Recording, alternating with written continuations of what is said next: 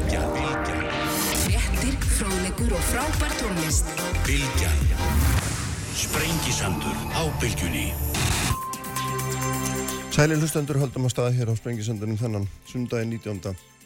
19. janúar og þessu herrans árið 2020 uh, þau eru sest hjá mér Sigur Ingi Jóhansson og Lilja Rafni Magnúsdóttir verðið velkomin bæði Takk fyrir það. og hérna, góðan dag. Og ég kallaði því flattering á þann þá veist ekki rétt hjá mér Lilja.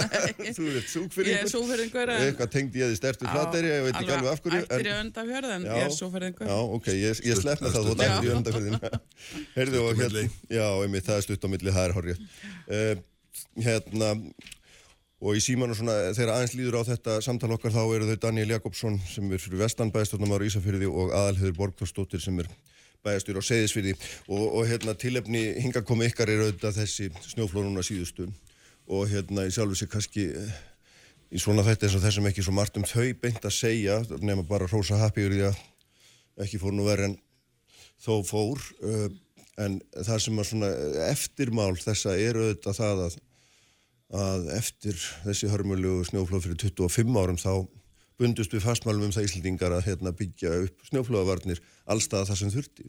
Og svo kemur einhvern veginn upp úr dúrnum núna að við erum bara alls ekkert áallun og sjálfsagt hafið þið kannski vitað þetta en ég held að svona allir almenningur hafi nú svona, þetta hafa komið flestum á óvart.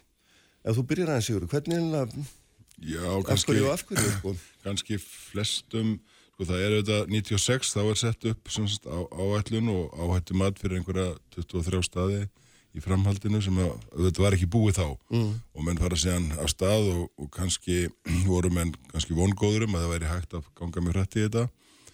Og það var sett upp áætlun að ljúka þessu eh, 2010 á þessum, á þessum stöðum. Já, Uh, síðan einhver tíman á árabilinu 2004 til 2007 þá kannski vegna þensli í samfélaginu, kannski vegna þess að áallanir gengur ekki nægilega vel, sérst, hönnun og uppbygging og allt það, ég, ég þekki það bara ekki, þá var tekin sem sagt um, ákvörðunum að taka lengri tími í þetta og ljúka þessu árið 2020 uh, það kannski hafa líka komið nýjar þekkingar á þessum tíma eh, sem hafa menn að vera að spila inn í. En um, síðan kemur náttúrulega efnaðsrunið eða bankarunið og efnaðskrísan og þá hérna stöðvast eða minka þessar framkvæmdur enn frekar. Já, hafa síðan uksu síðan áfram svona til eh, 14-15 en hafa svolítið haldið sjó síðan og hlutvalslega minka með við landsframlýslu einhvað síður þá er þetta svona einhverjir síkjur að framkvæma fyrir einhverja 1100 miljónir á,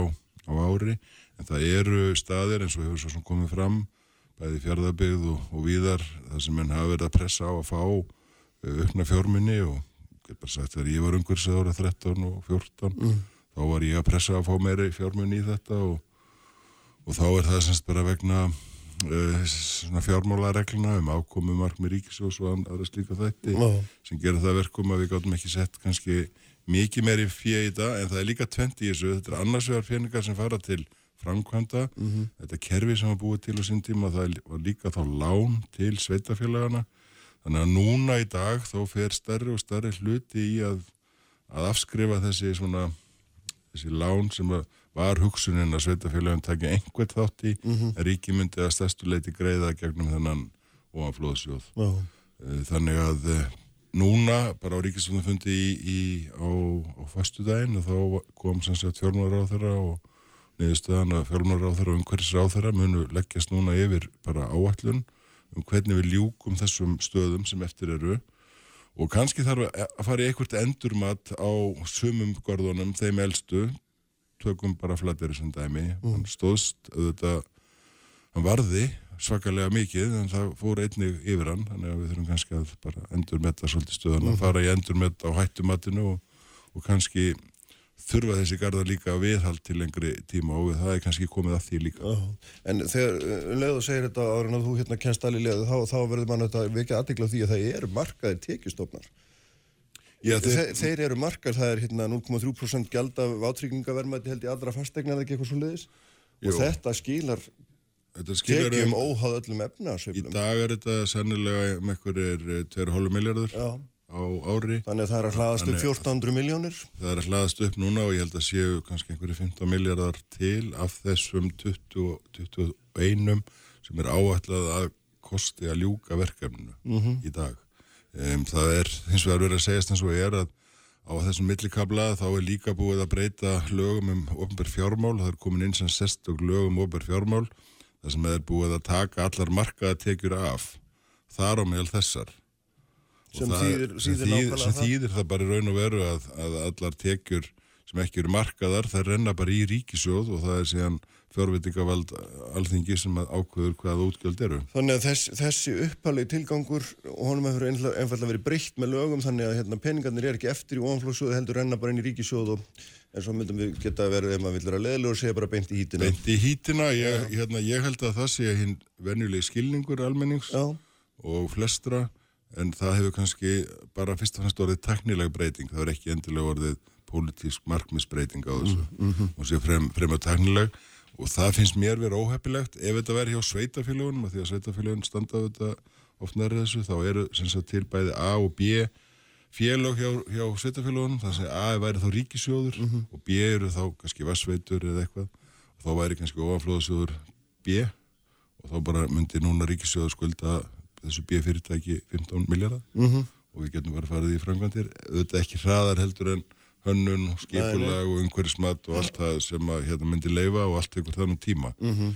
en eh, ég held að við verðum bara hreinlega átt okkur á því að þessi atbyrður kalli á það að við verðum að taka saman höndum og setja okkur nýtt plan og, og, og hérna sína fram á hvernig við ætlum að ljúka þessu á já, sjálfsagt þurfum við alltaf tíu árið það hvað segir þú Lilja? Hvernig, hvernig hljómar þetta í þí- þín eyrum? Já, þetta sýnir auðvitað að við Íslendingar eru stundum svona grandalausir þegar að, vel árar og veður eru góð og svo breyður okkur við þegar veður verða válind og, og þá sjáum við að við hefum geta farið hraðar í þessa uppbyggingu á vörnum en við höfum vissulega gert mikið við höfum byggt upp varnir á 15 stöðum sem eru á hættusvæðum. En það eru 8 staðir eftir sem hefði átt að vera búið að ljúka. Og við þurfum vir virkilega að spýta lóana með þá og koma fram með raunhafa framkvæmda áallun sem ríkisvaldið ætlar að gera og er búið að samþykja að gera. Og uh, ríkisvaldið fekk áskorun frá nokkrum aðilum í, á síðasta vori sem þekka vel til þessara mála og uh, um að hraða uppbyggingu að það væri mjög brínt og ég tek bara undir þá áskorun og núna er fullur vilja til þess að endur með þetta framkvæmdir hjá ofanflóða sjóði. Og, og mér finnst að, að það kenna okkur þetta áfall sem var þegar þessi snjóflóð voru í síðustu viku, liðinni viku, að það þarf að endur meta og upphæra allt líka það sem búið er að byggja varnagarða, að það þarf að skoða og endur meta miða við þessi flóð sem urðu og líka eins og heima í Súmandafyrði það sem flóðbylgja af völdum snjóflóðs hinum meginn í fyrðunum getur valdið miklum skada og það þarf að taka það alvarlega og setja inn á vöktun hjá viðstofunni og vera með einhverja viðbræðs áallun og meta hvort að þurfa að rýma hús við strandlengjuna og gæta hafnavannvirkjum að því að flóðið sem var þar 1995 var mjög alvarlegt og hreif með sér, já það hendi til þarna stóri Caterpillar ítu og mátti þakka fyrir að menn sem voru að fara til Súðavíkur þá á Björgunas eða snjóbíl til að, að hjálpa til þar að, að þeir lendu ekki þeirri flóðbylgi sem var þar aðeins innar í fyrðunum. Svo við þurfum virkilega að endur með þetta allt og þetta er mikil áminning en við þurfum endur með þetta en samt að hugsa til þess að þessi varnagarðar hafa virkilega sannað sig En og finnst það er ykkur gott. ekki svona, þetta er aldrei ergilegt bara sem borgarar ekkert sem stjórnmálamenn að við þurfum einhvern veginn alltaf að láta sko snar lemja okkur í hausinn til þess að hérna til þess að ljúka því sem við ætlum að gera. Minna nú tekum við bara dag, sem dæmi hérna að það er verið að skipa átagshóp til þess að vinna á bráðavanda bráðadeildarinnar sem við erum búin að þekkja í, ég hef svo lengi sem ég mann eftir mér hefur hann verið Minna, þetta er svona einhver Sko, Lenska? Hmm. Eða get, getum við sagt að þetta sé hlut til einhver lenska við megum hins vegar bara ekki gleyma því að, að hérna, árið höstu 2008 Mhm. að þá hrundi efnarslífu í Íslandi og uh, við erum mörg ár þar og eftir erum við fyrst og fremst að reyna að halda sjó og síðan erum við núna í uppbyggingafasa og við erum til að mynda þrátt fyrir að við séum í gríðarlega aukningu í fjárfestingum ríkisjós að þá erum við svona einhver staðar í sirka í, í langtíma meðaltali þar sem við þyrstum að vera miklu sko herra hlutvall, mm. við þyrstum að vera herri til þess að vinna upp þennan, þennan, þennan tíma. Menn, menn hafa sagt við hefðum átt að byggja þennan spítala fyrir 20 árum, við þekkjum umræðan um, um hérna, framkvæmdir í samgöngumálum. Og sama tíma fjölgaði hér ferðamönnum um, um sko frá 500.000 í 2 miljónir sem kera veginn okkur og við sjáum nú því meður að hérna, aflengarnir af því kannski og mikið þessa dagana þegar að veðrið er mitt, náttúrann er, getur verið eins grimma eins og hann getur verið í Íslandi og, og hérna, við erum bara ekki búin að undirbúa okkur undir það allt saman þannig að ég get ekki undir eða hluta til Kristján mm. en við mögum hins vegar ekki vera algjörlega ósangjörð hvað sjálfum okkur að við erum að vinna upp tap sem að var hér gríðarlegt áfall en við erum ótrúlega stað í dag en við þurfum að gera betur mm -hmm. Já, ég tek undir þetta og við þurfum auðvitað að koma Heldur að vestfyrringar séu sáttur við það? Hvað segir þau? Vestfyrringar séu sáttur við þá stöðu sem þar er? Ég held að vestfyrringar séu bara mjög raunsægir og niður á jörðinni þar búa við þar aðstöður að, að það eru náttúröpp sem geta skekið til ymsu eins og, og snjóflóð og annað mm. og menn vilja bara að varnir séu tryggðar eins og mögulegt er að mannavöldum að gera sem hægt er og í síðan í framhaldunum verði þá góð vöktun og viðbrasáallun ef að þarf að rýma hús. Ég held að fólk vilja auðvitað tryggja sem mest öryggi og kalla eftir því að allir viðbrasaðilar séu þar á tánum og ég tel að þetta, þessi atbyrðu síðustu viku hafi sínt það að viðbrasaðilar voru virkilega að sinna sínu hlutverki mm. frábærlega. Allir sem uh, þar við áttu, hvort sem að heilbreyðis uh, stofnunin eða Rauðukrossin eða Björgunarsveitunar að þetta er áttu hróskilið hvernig það stóð að þessu og þetta hafa varskipið þarna sem var nú engin tilviljun, það var ákveðið fyrirfram út af þeirri hættu sem var Já. og veðustofun hefur auðvitað gengt mikilvæg hlutverki og almannavarnir spurning hvort að þyrlan hefði þetta að vera fyrir vestan líka en uh, þetta sýnir bara að menn er á tánum og mm -hmm. ætla að gera vel og vilja að gera vel en við þurfum bara að koma með raunsæða framkvæmda áallun sem við stöndum við við erum svolítið gjörna það að koma með einhverjar góðar áallanir sem í raun og veru kannski standast ekki skoðun til lengri tíma að við séum ekki með bólmagn til að fjármagnar við þurfum að koma með þannig áallu núna að við ætlum að klára þessi mál á einhverjum x árum hvort sem að verður innan við tíu ár, eða tíu ár en mm -hmm. það standist Já. Við erum með hérna á línunni Daniel Jakobsson sem er bæstjórnamaður á Ísafyrði og hérna fyrirhandi bæstjóri þar auðvitað uh, Hvert er þitt mat á þessu Daniel? Nú ertu búin að vera hérna, veit ég, að, fástu þessi mál sem bæjastjóru og bæjastjórnamaður mjög lengi. Hvernig, er, hvernig hljómar þetta í þín eiru svona tíu ári viðbót? Nó, það hljómar ekki vel í hans eiru því að hann heyrist ekki tíunum. Er hann dottin út? Aftur? Já. Heyrðu, reynum bara eftir að ná í Daniel, hérna... Uh, Sko, hversu bjart síðan ertu sigurður á að við getum lokið þess á tíu árum, hérna, nú höfum við, og, og sko, að hvað miklu leiti er þetta í raun og veru fjárþörf, því að mann er sínustur að fylgta peningum, og að hverju miklu leiti er þetta síðan, hérna, uh, sem sagt bara tæknilegar hindranir, þekkinga á mannvirkjagerðinni og bara vinnuafl og allt þetta sem að þarf. Eh, þetta er einhvers konar blandað þessu, ég þú er ekki alveg að fylgja þetta hvernig hlutvellin á því eru en uh, ég tek undir með Lilju að ég, hérna, semst, við erum núna í færum til þess að setja upp raunverulega áallun mm. sem er full fjármagnuða því að það er náttúrulega komið fram, það er það 15 miljardar í ríkisjóði sem hafa komið út af þessum fjármunum mm. og þá er þetta spurningum fórkvæmsraununa þeirra en, uh, en það er líka orðið staðrind að, að svona stóra framkvæmdir þær taka orðið lengri tíma í undirbúningi, það er að hluta til ágætt, þær eru þá betur hugsaðar og mm -hmm. allt frá gengið en við fyrir bara viðkynna það að, tímalínan í, í undirbúinustímanum er orðin mun lengri umhverjus, matskipulag, hönnun, íbúafundir til þess að sættast við slíkar hérna uh, svona risa ákvarðanir mm -hmm. sem að, sem að hérna hafa líka komið upp. Daniel, herri mér núna Já, ég hef búin að heyra hér allan tíman, já. Gott, hérna, velkomin í þáttinn. Hérna, hva, hvernig horfa, horfa þessi mál við þér og, og, og, og svona þínu fólki með að við hérna, frangvæta hraðan og það svona framtíð sem þú sérði í, henni? Já, ég held að sko, maður byrjar að kannski að tala sem Ísafjara bæjengur að já. þá eru við í raun og veru bara heldur mjög þakklátt og í mjög góðu mála þegar kemur að varna mannverkjum. Það er búið að verja alla íbúa byggð í Ísafjörðabæ nema að undaskildum Nýfstall og uh, það hefur náttúrulega tekið langan tíma en, en þetta hefur þó verið gert. En uh, þegar maður horfur auðvitað á verkefni sem eftir eru að, þá hefði maður náttúrulega viljað sjá það hraðað. Og það er náttúrulega alls ekki jákvæmt að heyra það að, að þetta munir kannski að óbreyttu taka þá 15 ár í viðbót og að það þurfi þá svona til að menn hraði áallanum því að ég held að það er náttúrulega engin stjórnmálum að vilja að þessi flóð hefur kannski farið á einhverja óvarða byggð uh, með með einhverju hörmulegri afleggingum og vitandi það að það sé búið að rukka íbúa landsins fyrir gerða á þessum görðum að, að þá má kannski segja að það hafi þá bara verið eh, heppni og má hlota það orði í þessu að þessi þetta flóð hafi farið á varða byggð. Uh, ég held að það hefur engi vilja hugsa það hugsa til enda ef þetta hefði farið á þær íbúðbyggði sem ekki eru varðar í dag. Mm. Hafið þið hérna, verið duglega að þrýsta á hraðari framkvæmda undanfjöndum árum?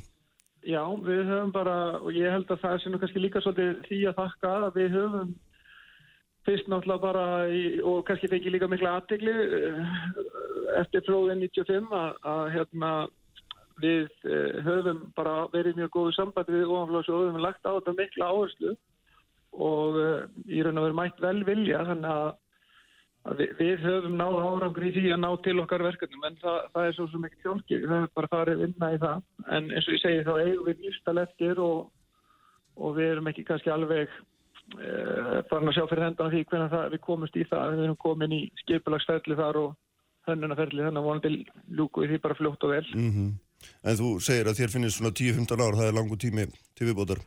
Já, mér finnst það óhugsandi og hérna ég held að við þurfum að hraða og svo auðvitað náttúrulega kannski það sem likur mest á núna, það er kannski eh, að staldra við og, og endur með þetta hönnunarforsendur og, og, og þar, að, þar held ég að flatir hljóta verið í algjöru forgangi að, Mm.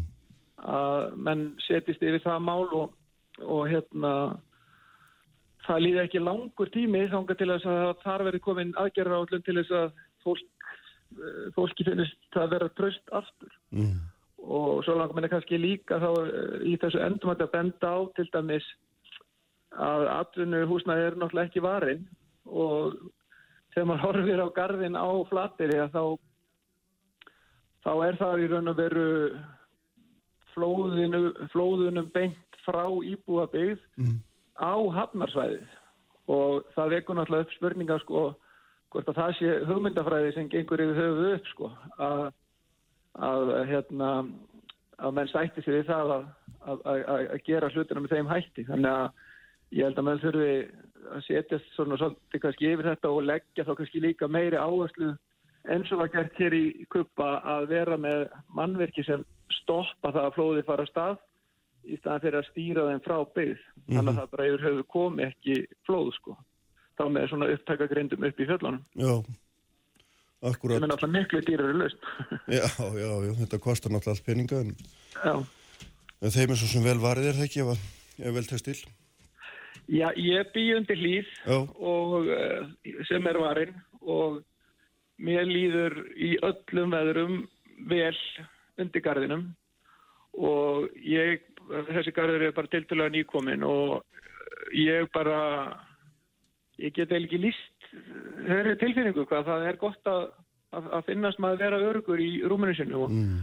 og ég gisti nú á flateri nóttina eftir flóðið og uh, og uh, það, það er sérstug tilfinning allavega á þeim tíma og, og, og ég vil ekki að íbúum uh, flaterar líði þannig að þeim finnist þeir ekki vera öryggir þannig að og ég held að en, enginn vilji það þannig að ég held að það sé algjörð forgámsmála að- að að- að klára það verkefni frá að endur meta það og, og svo eftir aðtökum framkvæma Nákvæmlega. Takk fyrir þetta Daniel, takk fyrir að vera með okkur. já, bless Bræðust aðeins við þessu. Vesturingurinn segir þetta er á langu tími. Já, Þegar þetta klárast að verða 40 ár frá já, hugsanlega ef þetta 35, tekur 15, já, já, við erum, 35, við erum, við erum kannski að segja Já. að við getum kannski gert þetta á 10 árum, en, en sko Daniel nefndi mitt það sem ég kom aðeins inn á, Já. að við endur mat núna hættum matsins, sko þegar þetta var gert á sínu tíma eh, og ég held að það hefur fullkomlega eðlilegt, þá var, voru forsendunar þær að verja fyrst og fremst íbúðabygg, þannig að fólk væri örugt heimi á sér í rúmum sínum um, yfir næturtíman en það var einmitt ekki í fórsöndunum var hérna, ákveðið að verja atvinnusvæði eða eitthvað sleikt ég held að við hefum verið heppin að þetta gerist ekki í 12 tími fyrr semst 11, 11 um, hérna, fyrir hátegi þá hefði fólk verið í bátunum sínum uh, niður á atvinnusvæðinu og þetta gerist það hratt að fyrirvaran er engin. Að ég óttast að þá hefði farið verð þannig að hluti af þessu endur mati núna mm. uh, lítur þá að verða það að hvort að, að svona varnargarðar um, eigi að verja ekki bara íbúðabyggð og þess vegna getur verkefni stækkað. Og þess vegna getur vel verið að, að þessi tíu ár verði hérna að lámarstími en, en vonandi námiði á þeim tíma. Um, og það er auðvitað búið að gera líka á sama tíma alls konar hluti í, í hérna svona forvörnum upp á að geta vara við en ég bara bendi á að þetta gerir stundum snögt. Já, já, jú, ég menna það er alveg auðvitað smá. Við, við erum að keppa við eitthvað sem að heitir náttúru sem við ráðum ekki alltaf við. Já, já. Já, þetta gerist oft þegar að stórstreymi er eða oftast, það er þetta á amotnana, mellir 9 og 10 kannski eða á þessum tíma kvöldinu svo þetta gerðist núna og þetta hefur þetta gerst þá fyrr að þá er þetta mikil hætta að fólk hefði verið á ferðinni mm. bæði við höfnina á flateri og líka gangandi vegfærandi til og frá vinnu heima söður er það sem aldan gekk alveg upp að húsum sem voru strandlengjun og börðu þar vekki svo að titra á skal að ég hef ekki gefið mikið fyrir að einhver hefur verið þar gangandi eða á bíl mm -hmm. engin veit hvað það aflenga það hefur haft eða að vinna við höfnina svo að við þurfum að, endurskoða bæði þessa varnagarða sem komnir eru með hlýðsjóna af þessum atbyrðum og líka eins og sjóvarnagarðana og horfa til hvaða áhrif flóðbylgi hefur. Sjóvarnagarðanir heima á Suðuræri voru gerðir með það í huga að verja sjógang að ströndinni Mhm. en ekki flóð frá hlýðinni hinum megin svo að hönnunin miðaðist við það og, og þeir fóru nær landi heldur en uppálega að vera áallad sem hefði verið betra hefði verið fjari landi til að verja svona flóðbylgi sem kemur frá snjóflóð hinum meginn í fyrðinum. Svo það þarf líka að endur skoða varnir varðanda þessa sjóvarnagarða með að hækka þá og þeir séu þannig með stærri grjóti sem er þá frekar að kljúa svona öldur sem koma sem eru vissalega hættur, hættulegt fyrir fólk á ferðinni og uh, fyrir íbúa á þe- á þessum staðins og söðureri. En mér finnst bara mikilvægt að við reynum að hraða þessum framkvæmdum með raunhæfri framkvæmda áhullun og þessi hlutir sé áminning um það en vissulega var þetta gífulegt tjón fyrir atvinnulífið á flateri og við þurfum líka sem samfélag að standa með flateringum við uppbyggingu þar því það er verk að vinna framundan og standa með því góða fólki sem heldur áfram að byggja þennan stað og ætlar að búa þarna áfram því það er gott að búa á þessum stöðum út á landi en fólk þarf að finna fyrir öryggi. Mm við erum með í símanu núna aðalheiði Borgarstóttur sem er bæjastýr á Seyðisfyrði. Sælablessuð. Já, komdu sæl. Og komið þið sæl, Lilja og Sigurðingi? Sælvertu? Uh, segð okkur aðeins hvernig staðan er fyrir austana því nú höfum við beint talið okkar uh, mikið að hérna, vestfjörðanu núna en, en hérna, það er mikið ógert hjá ykkur ekki satt, Seyðisfyrði. Jú, ég get svona bara að tala fyrir Seðisjör. Það var gerður semst varnagarður upp í Bjólfinu svo kallum uh, árið 2005. Hann er í 600, rúmulega 600 metra hæð. En var alveg eftir að gera varnagarða niður við Rótfjálsins sem eru, það er búið að fór hanna þrjá garða. Þannig að við erum svona vonast til þess að það fara, að fara í gang bara. Uh, Það er nýkomið sem að hættum all líka, við erum ekki bara með snjóflóahættu, við erum líka með örflóahættu talsverða sem er sunnan meginn í fyrðinum. En það kom sem sagt, uh, var gerði nýtt endumetið hættan núna eftir að menn voru búin að uppkvæta það að hérna að einhver þorsögulegu flóð sem að stafaði gæti náttúrulega komið aftur bara vegna þess að nú er hlínun jarðar að skapa aðra aðstæður og annað Þannig að það er bættu 17 hús við að hættu svo að sé. Þannig að við erum, já, við þurfum bara að fara að spýti lóana og fara að fá varnir og það er leitt að heyra að sjóðurinn hafi týnst í hýttinni. Já, já, sigur vildur nú menna að það væri nú frekar tæknilegt heldur en hérna raunverulegt en, en hérna, hva, hve, hvað það er áallanir sem þið hafi séð með að við svona óbreytt ástand hvað segja þær ykkur í tíma? Já, við höfum, semst, það er semst búin fór svona þessa garda og það er eina sem við höfum í höndunum. Það er ekkert, eh, ekkert lofordum eitt eða neitt um hvenar verður þetta að fara í framkvæmdi. Þannig að við höfum staðið svona svolítið bara uh, með svona pattstöðu. Hmm. Þannig að það er ekki, með, fyrir ekki, það er engin áætlun um það hvenar, hvenar það, jú, í sjálf sér er það bara eins rætt og hægt er að fjármagna já, já, framkvæmdina. Það stendur og fellur með því. já, Mm. Þannig að það er búið að vera auðvitað að íta á þetta í nokkur ár. Ég þekki ekki svo mikið, ég er náttúrulega bara búin að vera í þessu starfi í eitt og halvt ár, mhm, en við hefum náttúrulega búið við þessa vá, náttúrulega allar göttur og hér er náttúrulega rýminga áallin, hér eftirlismæður og allt slíf. Þannig að við hefum verið bara frekar heppin með veður undanfarið, undanfarið ár, en mm. við veitum auðvitað aldrei hvernig þetta gerist. 95 fjall flóð hérna og þeitti fiskimjósvegsmið út á haf. Þannig að þú veist, þetta er að gerast og við erum náttúrulega lokum vegum og rýmum hús og annað sko meðan að ekkert annað er í bóði. mhm. En, en svona það er áallinir eða það er, það er hugmyndir sem að ykkur kynntar er það sem sagt bara óljósara og ganga það út og það bara eins fljótt og auðið er en ekki, ekki svona, það er Já, ekki það tíma að setja nánar. Nei, nei, það er engin tímasetning þannig þá að kynna þetta fyrir bæjarbúum núna næstunni en það er semst búið að forhanna þessa þrjágarða og það er búið að leggja þetta svona til kynningar og, og fólk fengi að eh, koma umsagnir um þetta og annað sko en það er bara í ferli. Það er bara í ferli. Herðum, ljómandi gott, takk fyrir þetta, hérna, aðalhegur fyrir að vera með okkur. Já, takk Uh, fyrir.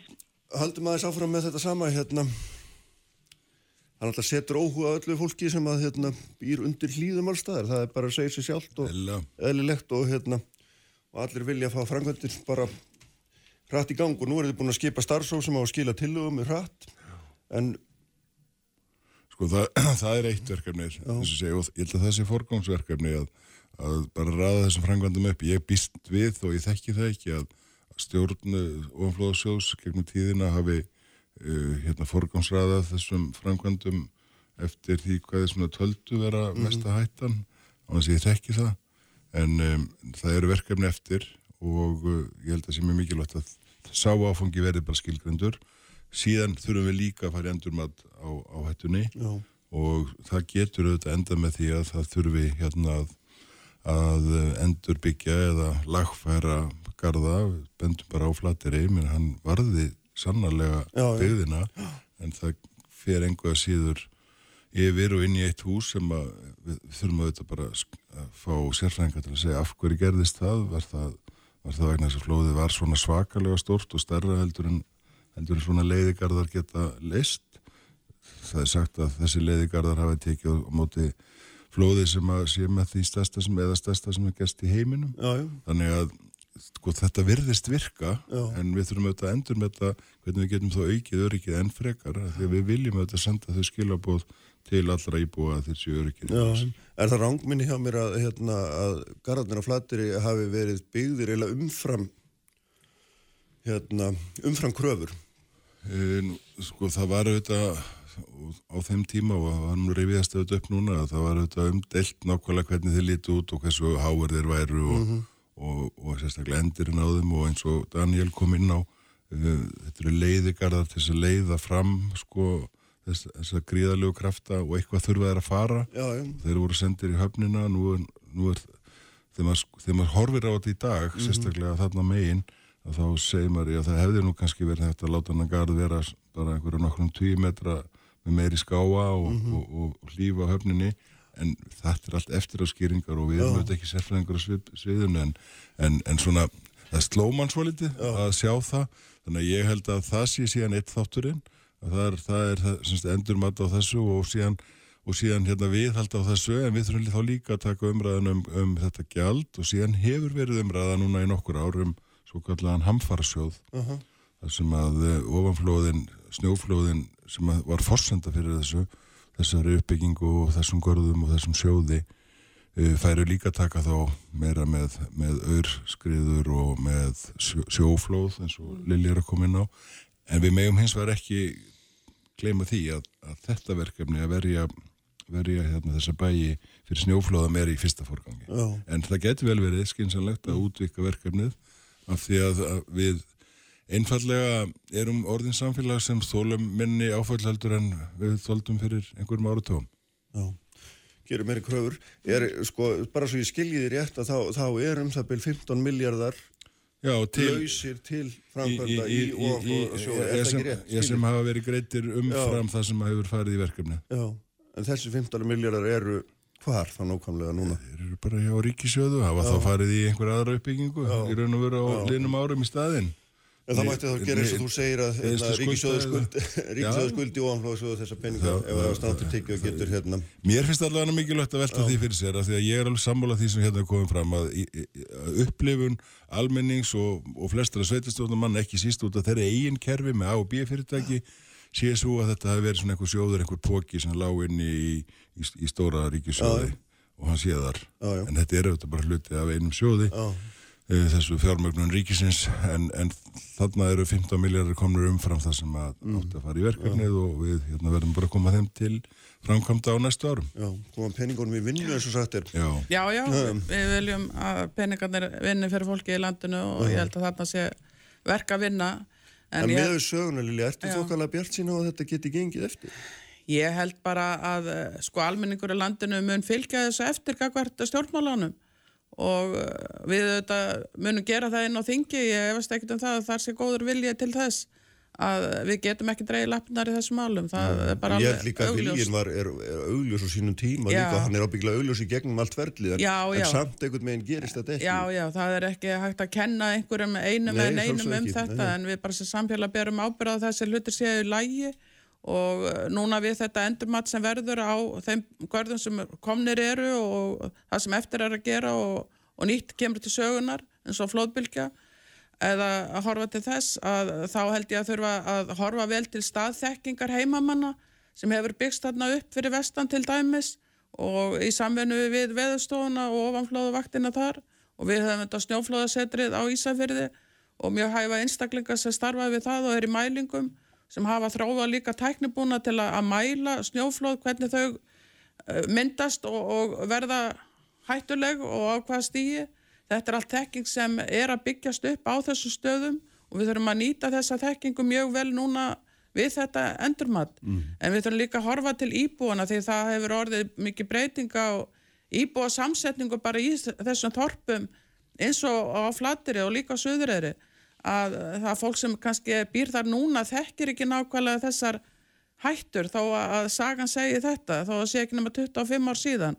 Og uppfræða fólk án þess að hræða hvaða hættur eru til staðar í þessum efnum. Og að það þurfa allir að gæta sín á náttúrunni Já, hvort sem er jarðskjálftar, eld, Já, eld, já. gos eða Já, já. snjóflóð. Já, já, vísa til þess að þetta er auðvitað orðin svona fjölþjóðleg Já, samfélag þessi. það finnst mér mikilvægt að, upplýsa og það verða íbúafundur um þessi mál veit ég bæði á flatari og á suðureri Mhm. núna kjölfar þessara atbyrða og ég held að það sé eitt af því sem er mjög mikilvægt að- koma þessum upplýsingum vel til skila til nýra íbúa líka og uppfara gagvart öðrum. Ég held að það sé rétt sem Lilja segir og þú spyr, búin að spyrja hérna svona tí, eigum við að treysta því að þetta sé við erum eftir á allt annað stað í með fjármál og efnaðarsmál ríkisins þetta er við höfum verið nokkuð tíman þannig að um, þær áallanir sem við setjum upp núna þær eru miklu líkleri til þess að raun gerast að, að hérna öllu leiti þannig að ég, ég er sannfæður um að við getum gert það. Ég vil líka taka undir með Lilja við fórum þarna vestur og hittum fólk og, og hérna það eru þetta er þarna, hóður orðið veruleg breyting á íbúa samsetningunni um, við hittum þarna fólk sem að voru sílenski flóttamenn sem var að tala íslensku eftir eitt ár og Já, virtist vera svona rólegir yfir þessu og fannst þetta virka allt saman þessi kerfi. En auðvitað mjög framandi aðstæður Já. fyrir mjög marga. Mikið af, af hérna pólverjum sem búa þarna og hafa búið lengi og, og fleiri, fleiri þjóðum. Líðskóli komin þarna. Það var fyrsti veturinn í fyrra það voru einn sex ungmenni sem líkaði svo vel á flattir þau ákveða að vera aftur í vetur þá skólinn væri búin Mhm. og aðrir að setjast þarna að þannig að það er, ég tek bara undir með Lilju það, það er, fólk vill búa á svona stöðum því líkar vel við þessi samfélag og, og við sem, sem hérna svona samfélag erum búin að segja að við ætlum að, að hérna hafa bjóðað öllum sömu tækifærin og sama öryggið og þá verðum við að standa við það. Ljómandi, ég held að þetta séu ágættis loka orð í dag um þetta Lilja Rafnei og Sigur Ingi þakka ykkur fyrir að koma við þakkum þetta Daniel og Aðalheiði fyrir þeirra framlag ég verð með Sigur Hannesson hérna hjá mér eftir augnablík. Takk fyrir. Sprengisandur á bylgjunni alla sunnundasmórna. Sprengisandur alla sunnudaga á bylgjunni. Sæli hlustendur aftur, þau eru þá farin frá með Sigur Ingi og, og Lilja Rafnei uh, en sestur hjá mér Sigur Hannesson sem sangandast verið í samtaka einaðarins, sæl og velkomin Takk fyrir. og svo ég voru ná hérna Svanfrið Jónasdóttur á eftir, við ætlum að tala, við, tala við, um sjárótu við hann og svo verið Guðbjörg Pálsdóttir sem er formaði félags íslenskra Röddatur, félags íslenskra hjókunarfræðinga hérna í lók þáttarins. Herrið, hérna já velkomin aftur Sigurður. Hérna, uh, og til að hafa ekki með fálkárunum sem þú fjast á gamlastag ertu ekki alltaf ungu maður til að fá fálkáruna ertu ekki verðlun eða viðkenning sem er svona fyrir þá sem er eiginlega svona hætta? Ha. Þetta yfirleitt hefur að verið þannig en það var svolítið gaman frá því að segja að, að ég var áðan til samtaka innæðarins fyrir svona tveimur og hálfa ári. Já, og svona helsta gaggrinin sem að þá formaðurinn fekk á þá ráðningu var hvernig á því stæði að verið var að ráða svona gamlan mann í starfið. En uh, þannig að niðurstaðan er svo ég að þá allavega, ég er ekki svona gammal eins og ég líti út fyrir að vera. Nei, akkurat. En það er nýðustafan sem svo að það er aldrei hægt að gera öllum til að hæfis, þú ert ímist og ungur eða gammalt eftir í hvernig á það er litið. Já, já. Heyrðu, mér langaði eins að hérna spjalla eins við þig um, sko, um innviði, þetta er nú orðið svona eitthvað tísku orð og hérna, en svona, í undanförnum þáttum hefur ræða við Salabankastjóra Hagfræðing hérna kviku um, um það að nú sé sko lag fyrir ríkisjóð að grípa til stórtækrar ástafna í fjárfestingum vegna þess að í fyrsta lagi peningar eru á mjög lága verði og í öðru lagi vegna að atvinnum lífið er daldið að hæja hressil á sér. Og ég fór að skoða það gamla fyrirlestur frá þér og hérna sem varst fluttið 2017 þá ertu að massa með nákvæmlega þetta sama. Nú er rétti tíminn. Og svo þess vegna er bara eld að spyrja 2020 hefur eitthvað gerst og er ennþá rétti tíminn á þínum mati? Já, nú er svo, svo sannlega rétt í tíminn vegna þess að við erum akkurat að sjá það sem við töluðum um á, á þá, til dæmis 2017 alveg síðan að það myndi hæja á í hækkerinu, hækkerinu myndi kólna og þá myndi yrði til einhver slaki sem að væri þetta upplætt að nýta. Mm Þetta snýsli náttúrulega líka um samspil sko, peningastefnunar og ofinbera fjármála Já. og, og að þið ofinbera komi með innspýtingu þegar að hægir á. Svo, svo sannarlega rétti tíminn núna. Við erum eins og verið að sjá svolítið svona sérstætt ástand ef maður svona byrja á því í, í hérna í hækjörnu sem er svolítið nýtt um, að við þekkjum það náttúrulega að laun hér eru há í alþjóðum samanbyrði skattar eru hærri en annar staðar sveiflur eru meiri og, og raunvextir eru hærri hér eða allavega hafa verið hærri hér en annar staðar. Þannig að allt þetta hefur áhrif á samkeppnistöðu fyrirtækina þannig að það, er, það dregur úr samkeppnishefni uh, ekki síst þeim fyrirtækin sem starfa á alþjóðlega mörkuðum eða eru á innanlandsmarkanum að keppa við innflutta vörur. Þannig að þetta hefur sí, sín áhrif. En það sem er áhugavert núna og hefur ekki gæst áður er að innbyggði sveiflujafnarinn í hagkjörinu krónan að hún er hægt að virka eða allavega virkar ekki núna eins og hún hefur gert. Þess að krónan hefur leiðritt samkjöfnsæfnina Já, svo hækkaði að lækkað hækkaði að lækka, já. mhm. akkurat. En það gerist ekki núna. Nei. Það getur verið það er auðvitað snemt kannski að fullir það um þetta eða draga og viðtakar álítanir en, en það gæti verið vegna þess að það eru fleiri stóður í útflutningnum. Ferðarþjónustan alltaf hefur vaksið Mhm. á síðustu árum og, og en líka vegna þess hversu vel tókst til við efnahagslega endurreist og við sjáum það dæmis að skuldir heimilana eru lagri en þar hafa verið lengi. Skuldir ríkisjóðs eru mjög lágar og nettóskuldinar eru sjálfsagt í kringum 20% af landsfræðanslu uh, fyrirtæki skulda minni náður og, og, og hérna allt í einu að þá eigum við meiri eignir elendis sem þjóð heldur en við skuldum. Heimurinn skuldar okkur en við höfum hingað til skulda heiminum. Þannig að allt treystir þetta stóðunar en gerir þá það að verkum að, að svona þessi kólnun virðist koma fram frekar í gegnum vinnumarkaðin og núna eru yfir 8000 manns Já, já. á natunu Já, þetta brýst náttúrulega alltaf svona breytinga brjótast alltaf einhver staða fram og eins og þú segir ef að krónan gefur ekki eftir og þá verður vinnumarkaðan að gera það er engin önnur leið. Akkurat, og það er einhvern veginn svo leið sem að virðist hérna vera að fara núna að við erum að hæja hrætt á meðvitað og ómeðvitað því þú ert líka að nefna hluti sem eru meðvitað eru lækkun skulda ríkisjós, lækkun skulda fyrirtækja lækkun skulda heimilana þýðir auðvitað er ávísun á einhvers konar hjöðnun Já, það er svona allavega grundvallar breyting frá því sem verið hefur. Mm. En þetta er þá ný staða að takast á við minkandi eftirspurn með hátt raungengi. Mm. Það er eitthvað sem er svolítið nýtt og, og það er þá, má segja, það er þá tvöfald högg á, á yðnaðin og atvinnlífið. Mhm.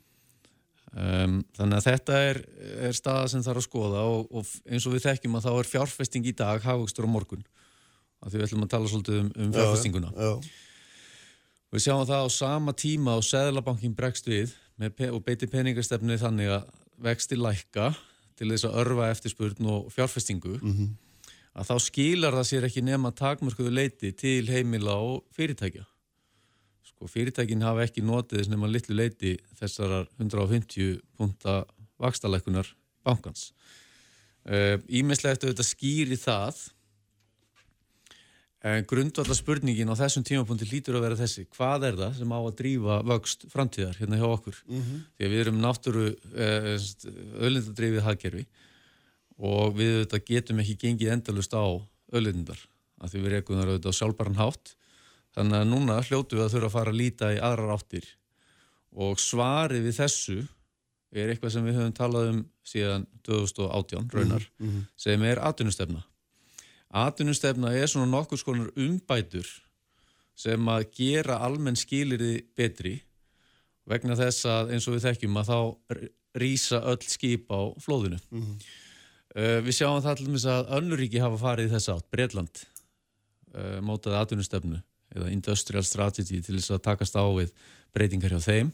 Og Evrópusambandið er að gefa út atvinnustefnu núna í vor til þess að mynda auka samkeppnishæfni álfunar í samkeppni við aðalega Bandaríkin, annars vegar og Kína hins vegar. Svo leiðis að þetta er, er stóra myndin og þarna eru kannski fjögur atriði sem að vega þingst. Það er mentun. Mentun þannig að það sé verið að leiða saman færni mannöðsins við þarfir atvinnlífsins.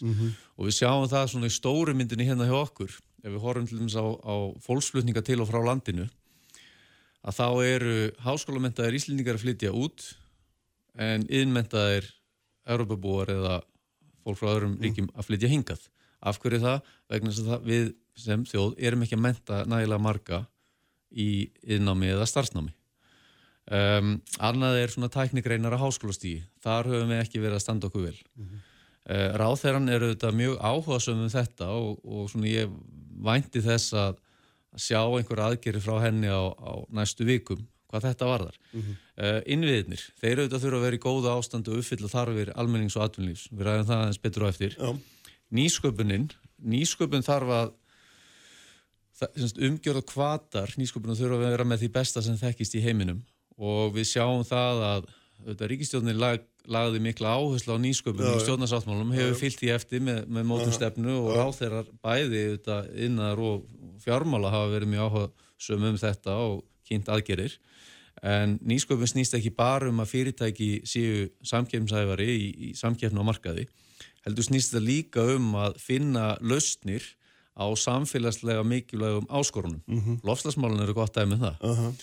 Þannig að þar þurfum að gera betur og eins í starfsumhverju fyrirtækja. Mm -hmm. regluverkið, uh, að það hamli ekki um of, uh, að það sé stöðuleiki, að það sé skilvirkni og, og hagkvæmni, skatteimtan þar á meðal. Uh, Stafrænt Ísland er ágætt dæmi um svona umbætur á, á þessu sviði. En það vantar í rauninni heilstæða stefnu um þetta sem yrði þá nokkuð svona rauði þráðurinn í annari stefnumótun. Tökum sem dæmi orkustefnu sem nú er að móta. Hvernig á að móta orkustefnu á þess að vera með atvinnustefnu? Já, góð spurning. Orkan auðvitað verður ekki til fyrir sjálfa sig, heldur er nei, nýtt í að Því að við ætlum að nota nýja eitthvað. sem, sem aðfangu í eitthvað annað. Já, já, já. En það þarf þá að nýta ríkisfjármálun og, og, peningamálin sko, til þess að vinna á móti niðursöflunni. Mm. Já. Eins og ég kom inn á áðan, þá er staðan góð, ríkisjóður skulda lítið Já, já, uh, og það er ekkert að því í þessu ástandi að Mhm. reka ríkisjóð með halla.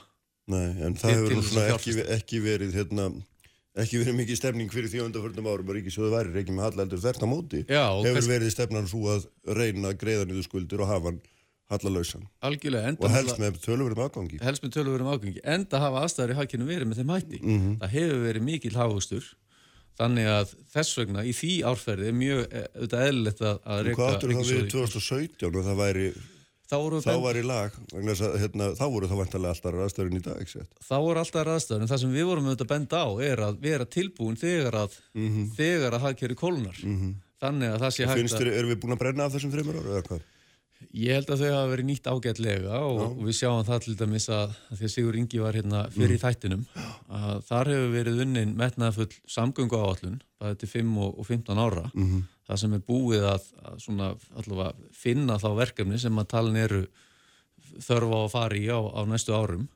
Og ég gerir ráð fyrir því að, að sko undibúningur að þeim sé þá langt komin og, og kannski einhver þeirra séu tilbúin nú þegar Þannig ég hugsa að tíminn hafi verið ágætlega nýttur og það sama á vantilega viðvarandi eins og byggingar á vegum hins ofinbera og, og fleira. Þannig að það var kannski þetta sem við áttum við að, að sko þegar aðstæðina kæmu og þá værum við tilbúin og færum á stað og svona kannski eins og frá 2017 færum svona aðeins að auka við fjárfestinguna Já. því hún hefur verið alltaf lítil. Aha. En þegar við erum að tala um hérna, fjárfæsti innviðum og þetta er svona orð sem að hérna, uh, eru mikið notuð og kannski ekki alltaf skýr mikið og, og hvað þetta þýður. Hvað er svona þínum að og ykkar, hérna, því þið hafið skoðað þetta mjög vel í samtökum innan og skrifað um þetta langar og mikla skýslur. Hvað er brínast og hvað er best að gera? Mm. Þetta, það skiptur þetta máli hvað er gert, það er ekki nóg að henda bara peningum í, út, í, út í einhverja framkvæmdir. Nei, Hvað er brínast? Algjörlega, þetta- sko við sjáum þetta gríðarlega þörf til dæmis í samgöngum eða ekki síst í vegakerfinu og þar eins og ég segi er, hefur verið sett upp plan til 5 og 15 ára samgöngu áallun þannig að til dæmis væri hægt að flýta framkvæmdum þar.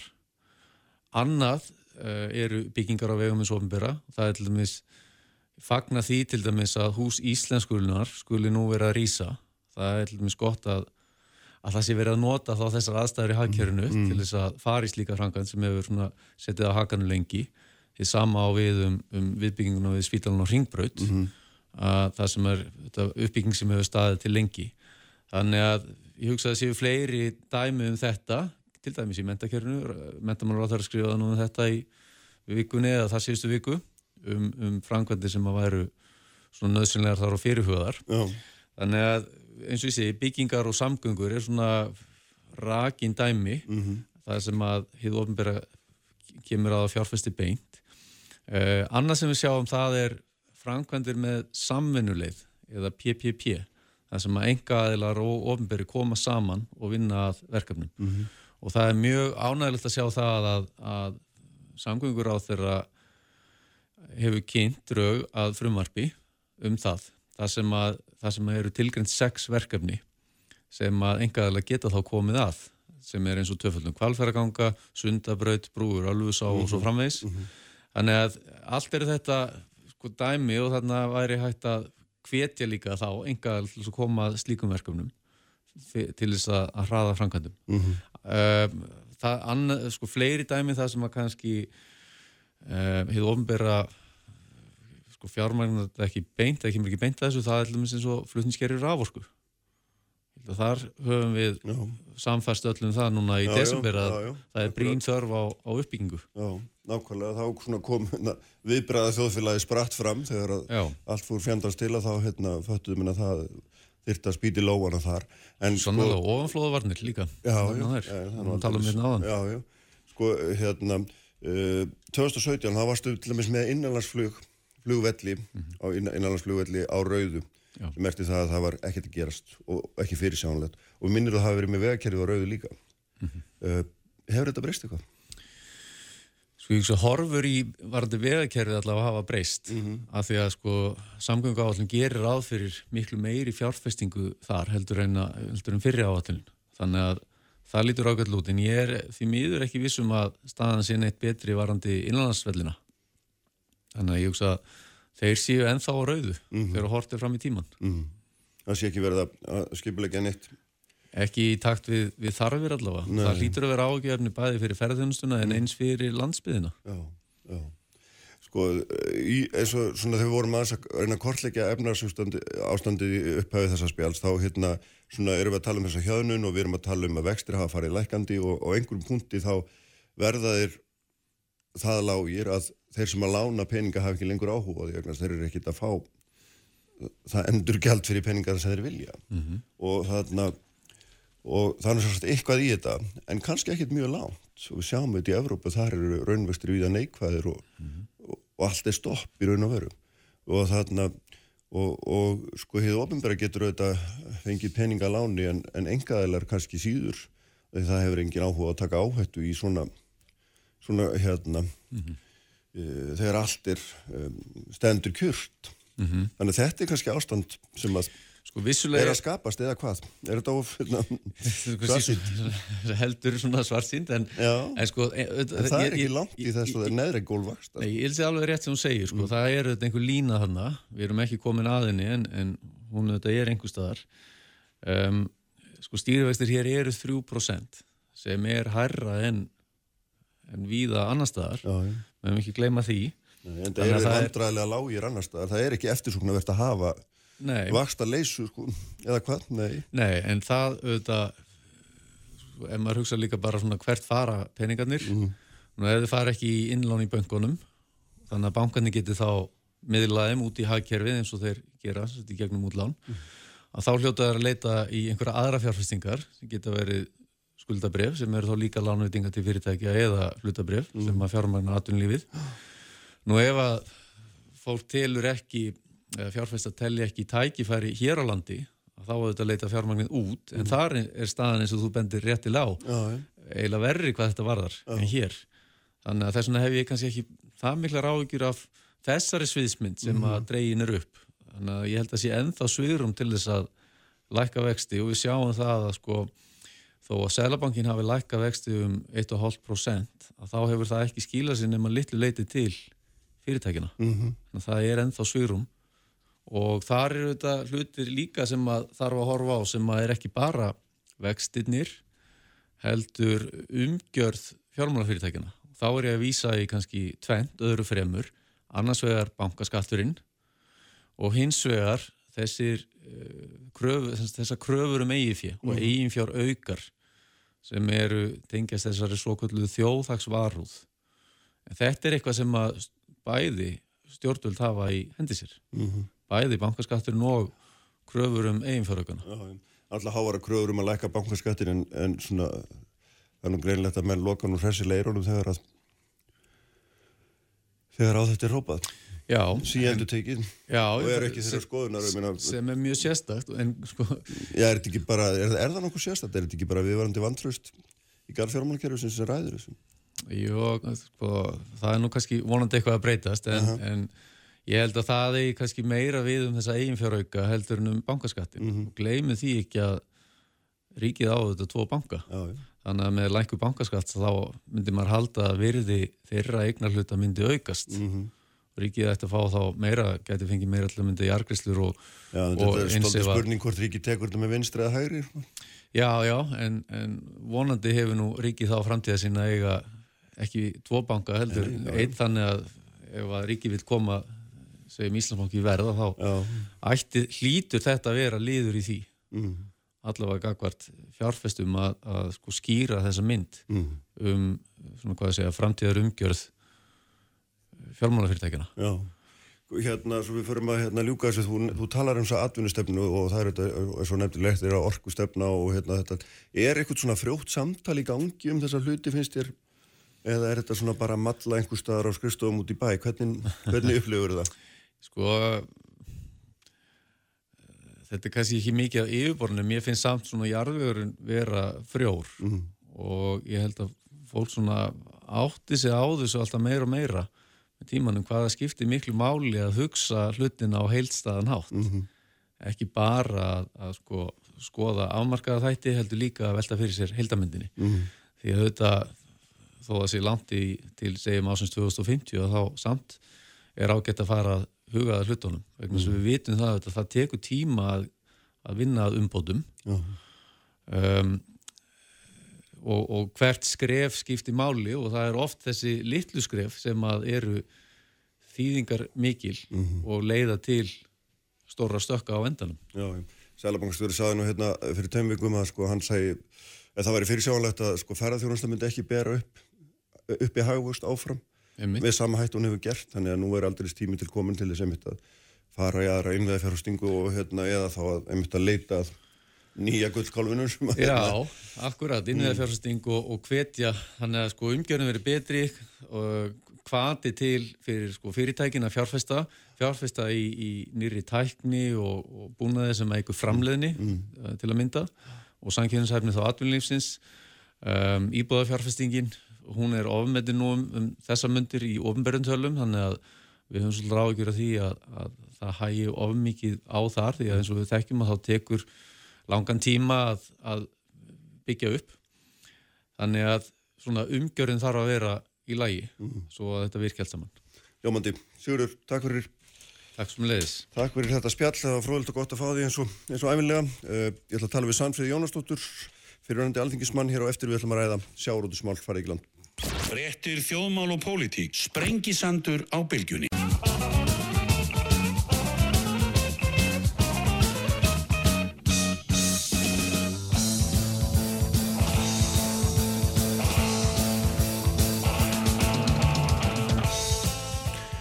Sælir afturlustendur, höldum hér áfram á Sprengisandurum í dag uh, búið að ræða vakstasti og hérna, fjárfestingi í innviðum og, og svo framvegis við Sigur Hannesson, frangandastjóra samtaka innaðarins en á línunni Norðan að Dalvík er Svanfríður Jónastóttir, fyrirhandi alþingismæður og bæjarfulltrúi og með meiru held ég mig sjóta fullir að sæl og blessuð Blessaður, blessaður. Blessuð og sæl.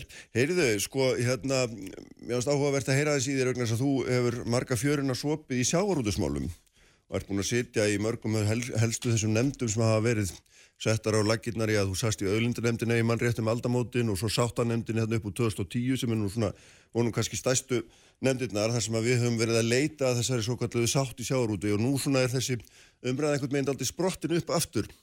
Uh, kjálfar samherja málsins kannski og, og svona og, og hérna stórs fundar sem haldin var hérna í Reykjavík um, um síðustu helgi þar sem að krafan er um að hérna kvótin fari heim, kvótin fari heim í. Hva, hvernig svona slær þessi umræði og, og þessi stemning, ef það svo má segja? Það er nú kannski, er nú kannski rétt að, að, að, að byrja því að, að rifja það upp að um, uh, þetta kerfi er orðið 35 ára gamalt, 36 ára gamalt og það er búin að vera látlis umræða og endurskoðun allt frá því að kerfið var sett á.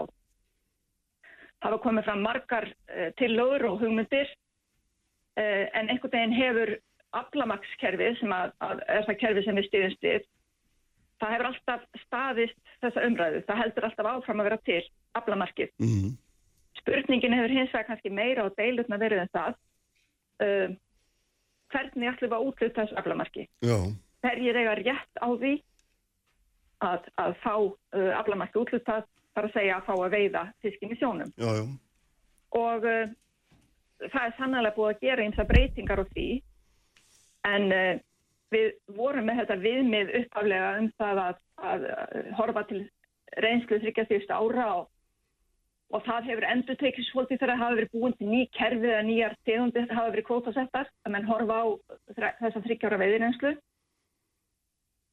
Um, menn hafa líka verið að horfa á aðra hluti eins og stækka smábótakerfið koma á byggð- byggðakvóta setja er svona ímyndlegt búið að reyna þess einmitt að, að breyka kerfið og, og gera mögulegt fyrir fleiri að komast að. Uh, þessi umræði um kvótan hún kemur uh, hins vegar alltaf upp aftur og aftur. Og uh, mér finnst það eðlilegt að þetta sé í sífældri endurskoðan og það er það. Núna erum við að skoða kvótafætti og tengda aðila. Mm. og uh, ef að maður vilja horfa eitthvað dýpra í þetta þá er er það bara eðlilegt að það sé gert en ég held að sé rosalega mikilvægt fyrir útvegin og fyrir sjáabíðunar að menn fari fram að fullri ábyrð og gætni vegna þess að þetta er náttúrulega í fyrsta lagi eina stærstu efnahagstofum Íslands efnahagstís og það er ekki alveg sama hvernig farið með þetta. Og í öðru lagi þá skiptir miklu máli fyrir íbúa þessara byggðalaga að það sé ákveðin festa. Mm. það er ákveðin svona, það er komið á ákveðið skiplag og það er spurning hvað má rugga þessum báti mikið. Um, menn er að tala um einhvern réttlæti kvótan heima eitthvað svona, þetta hljónar mjög vel. Mm. En það hefur bara svo óskaplega margt gert síðan árið uh, 1984. Við horfum upp á gríðarlega mikla teknibreitingar, gríðarlega mikil fækkun fólks við veiður og vinslu. Tæknin hefur leitt mannsöndin á hólmi í mjög, mjög mörgum störfum Um, við erum að horfa upp á alþjóðavæðingu, við erum að horfa á mikla og aukna þekkingu, við erum að horfa á allt allt annað landslega heldur en var. Mhm. Þannig að, að sko fortíðar draumar, það sem menn eru ímyndað sér að það sé hægt að bakka 35 ár aftur í tíman, um, mér finnst þetta svolítið varhugaverð. Þetta er svona romantík, hún er hugljúf, það er kannski gott að hlusta á þetta, en ég sé þetta ekki alveg raungera. Nei. En sko, það, það sem þú nefndir, hérna, við hefum haldið okkur við aflamarkiðin, varum að deilum hver mætti veiða fiskinn og sjónum og þá er náttúrulega líka kannski eitt, eitt atrið ónefnt sem er auðvitað hérna, í hvaða vasa arðurinn af, af þessum, þessari öðlind rennur ekki satt. Og það er auðvitað það sem að svona kannski er daldið þunga með því að núna hérna, og, og þú nefndir hérna réttilega verið að taka á, á tengslamálum segja, og tengdir aðalar ættu og, og stóran hlut, hlutdeild í aflanum og svo framvegis, þetta er auðvitað mál sem að snertir sjáarbyðirna líka. Þetta snertir sjáabyrðnar, en mér finnst þetta líka snúa svolítið að eftirlitinu. Hefur eftirlitið okkar, uh, hefur það verið að standa sig, gagvart út þeinum.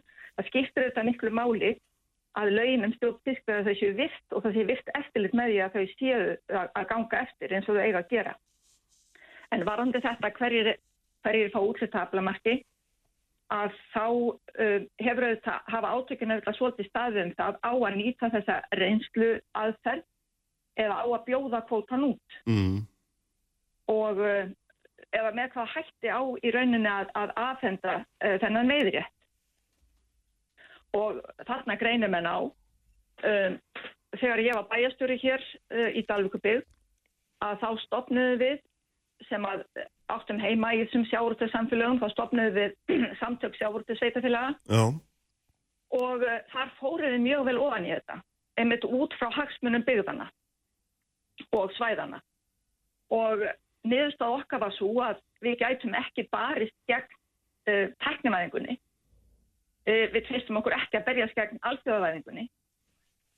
Um, við tvistum okkur ekki til að berjast gegn því að, að, að lífi heldi áframskilru mhm, en við óskuðum eftir því að það atriði sem stjórnvöld hafa áhrif á sem eru þetta um, kvótakerfi og gjaldtakan að gjaldtakan eru það með þeim hætti að þær sjáarbyggðir sem fara að halloka vegna þessara breytinga allra sem eru geysilega miklar og hafa verið geysilega miklar mm, að þau fengi það hlutild í veiðigjaldinu til þess að þau gætu með skilvirkara hætti tekst á við framtíðina. Já, ekki fortíðina, þetta er framtíðina. Mhm, það hefur aðalega, þessum, þessum byggðum hefur aðalega verið mætt með eh, svona byggðakótum standveið einhverju slíku.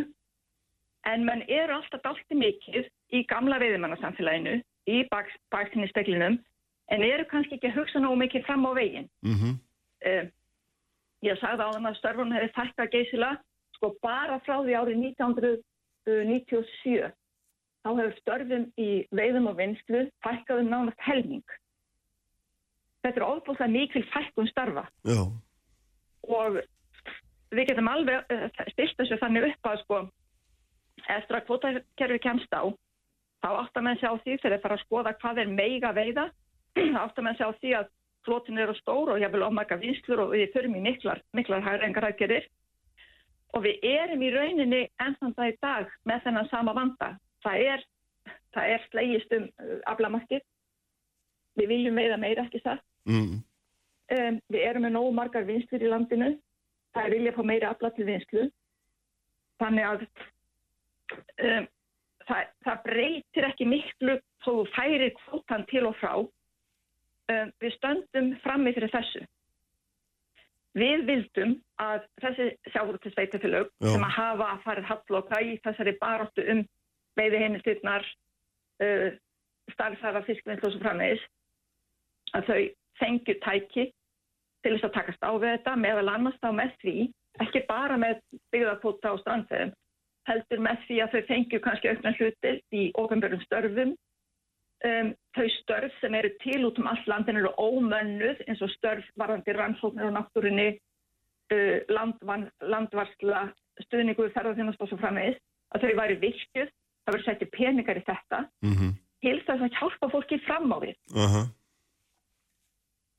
við fengum ekki miklu áhært, við töluðum við fleiri en eina ríkstofnum þetta og, og Já. hérna, það var ekki stemning fyrir þessu samt er þetta held ég uh, alvöru virk yfirstefna og þetta er til þess fallið að menn geti sagt með meiri vissu við rekum okkar sjáurút með sjálfbærum hætti við erum líka með félagslegu stóðina í lægi. Mm. En eh, menn hafa ekki hafnað því að, að, að þetta kerfi sem við erum með, aflamarskerfi, kvotakerfi, það leiði af sér mikla breytingar, heldur bara hafnaði ekki að gera eitthvað í, sérstaklega í því raun og veru. Já, menn, menn hafa, sko, eh, ég held að menn hafi alltaf aftur og aftur orðið sammálum það að aflamarskerfi væri, væri besta kerfið fyrir okkur. Við þurfum að stýra veiðunum og menn hafi ekki fundið aðra leið betri. Það eru hins vegar þessi átökum það hvernig á að úsluta aflamarkinu og svo þetta um, hvað á að greiða mikið fyrir að fá að nýta sameila öðlind. Mm. Og hvert á þá, eins og þú nefndir á þann, hvert á þá arfurinn að renna.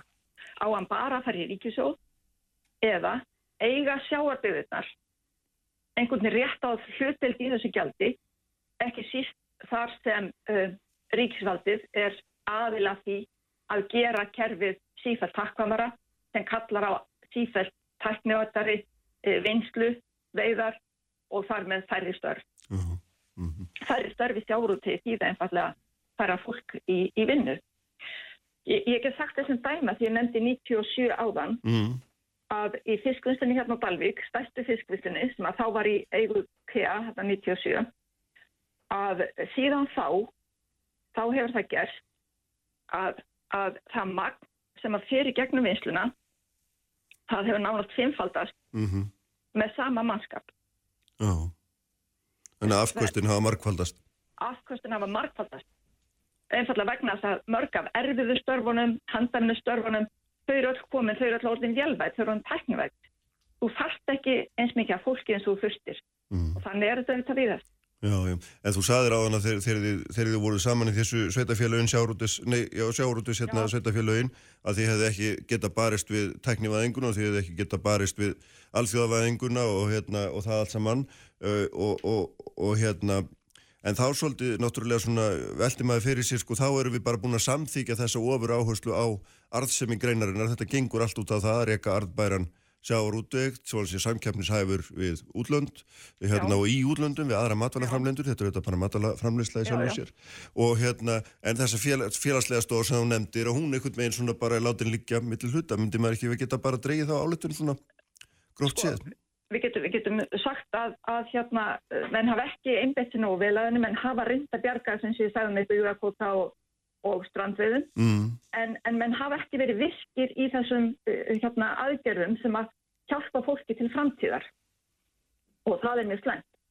Uh, vegna þess að, að við vitum að það liggur sko heilmikil þekking, grenda þekking, mjög víða um land, sem að væri hægt að nýta mun betur. Mhm. Við talum ekki um ef menn vilja reka hérna áfram arbara, arbara ferðarþjónustu. Þannig að, að það er að liggja þarna verkefni og tækfæri sem að ríkisvaldið á að nota, Mhm. sem að sveitarfélagin eiga að fá tækfæri til að nota með því að fá hlutbild í veiðigjaldinu. Já, Það er bara mjög mikilvægt. En aðeins að hinu, þetta með arðbæran sjáurútveg. já, Sko, ég man alveg hvernig þetta var þegar sjáurútveg Ísland var ekki arðbær og þú manst það kannski líka. já, já, þegar, þurfti að fella gengi nánast í hvert skipt sem kjara samlingar höfðu verið gerðir til að meðaltals fiskvinnslan geti lifað þetta af svo krónunum var í fjölka og, og, og uh, lífskjörin rýrð þá í rauninni alltaf jafn harðan. Uh, þess vegna höfum við þetta hort upp á það að krónan okkar hefur rýrðnað en hvað 99,95% á, á síðustu 90 árum. já, það er eitthvað svo leiðis, já. Já, ég meina, það langar engan í þetta ástand aftur. Við viljum auðvitað harkaman og vel rekin sjáurútveg.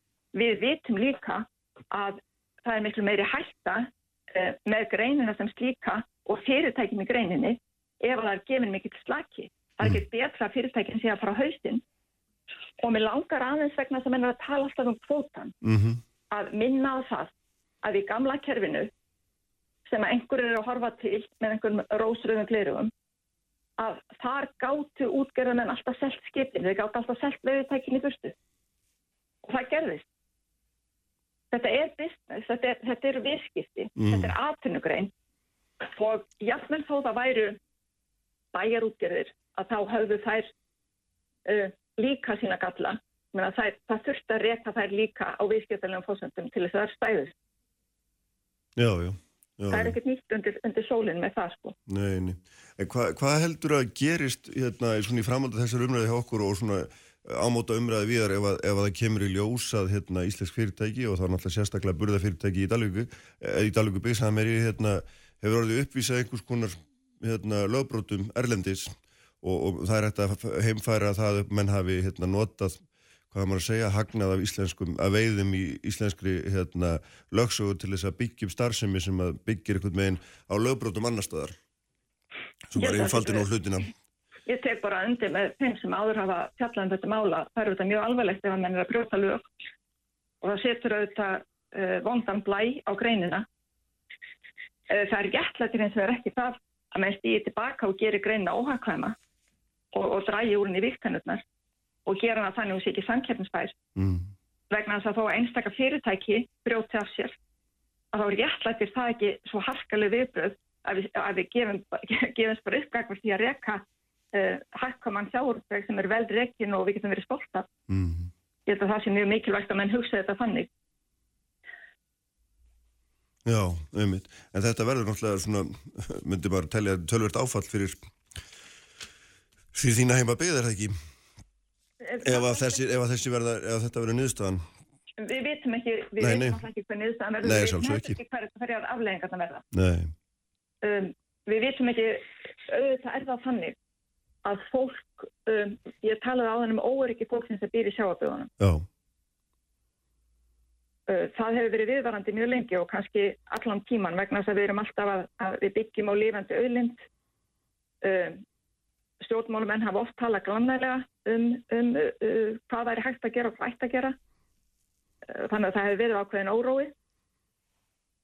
Um, ég held að sé mjög mikilvægt að, að uh, menn mun eftir því að það er fullt af fólki út um allt land sem á allt undir því að við reynum að hafa ákveðna samfellu Mhm. og ró yfir þessari grein þó að hún færi gegnum breytingar um, vegna þess að fólk ájó aðtununa sína, fasteignirna sínar uh, lífið sitt undir því að hlutinni geti gengið fram uh, þannig að ég, ég vona nú bara að það svo sem gerist í, í framhaldinu að, að við ráðum með það sem þjóð að fara í gegnum þennan brimskaplu og, og halda áfram Mm.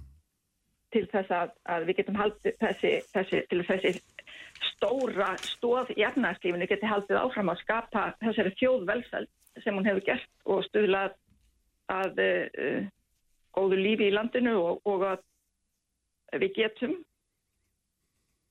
þróað sjáurútið samfélagin þannig að þau getur uh, tekist á við sína framtíð hver svo sem hún er þannig að við nýtum þá þekking og krafta sem þar eru. Þannig að þá, þá myndir, myndir maður geta dreigð það álustinu orðinu um að þú svona, að það geti við orðið framhald að þessu eh, svona meiri áherslu á þessa félagslegu stóð sem að, Mér sem varst að lýsa. stjórnvöld, mér finnst að stjórnvöld uh, hefði átt að gera það fyrir löngu síðan skilur. já, já, já, já. Ég, ég er ósátt við það að, að menn skul ekki sína þessu meiri skilning. Þetta er náttúrulega hluti af, af uh, þessari byggðarstefnu sem er eiginlega hvorki bukni fiskur. Að stjórnvöld skul ekki sína því skilning hvað er að gerast uh, þegar að teknar eru ákvarðanir um aukna hægræðingu og þegar að miklar breytingar eiga sér staði í umhverfinu að stjórnvöld skul ekki sína því meiri skilning hvernig er hægt að takast á við þetta Mm. og, og að jafnvel þó að þessi stafað onni þau að það skul ekki vera gert. Það er svona eins og menn, hérna, svo er komið með einhverja skítarettingar á síðustu stundu Mm. um, sem að virka takmarkað, jafnvel ekki.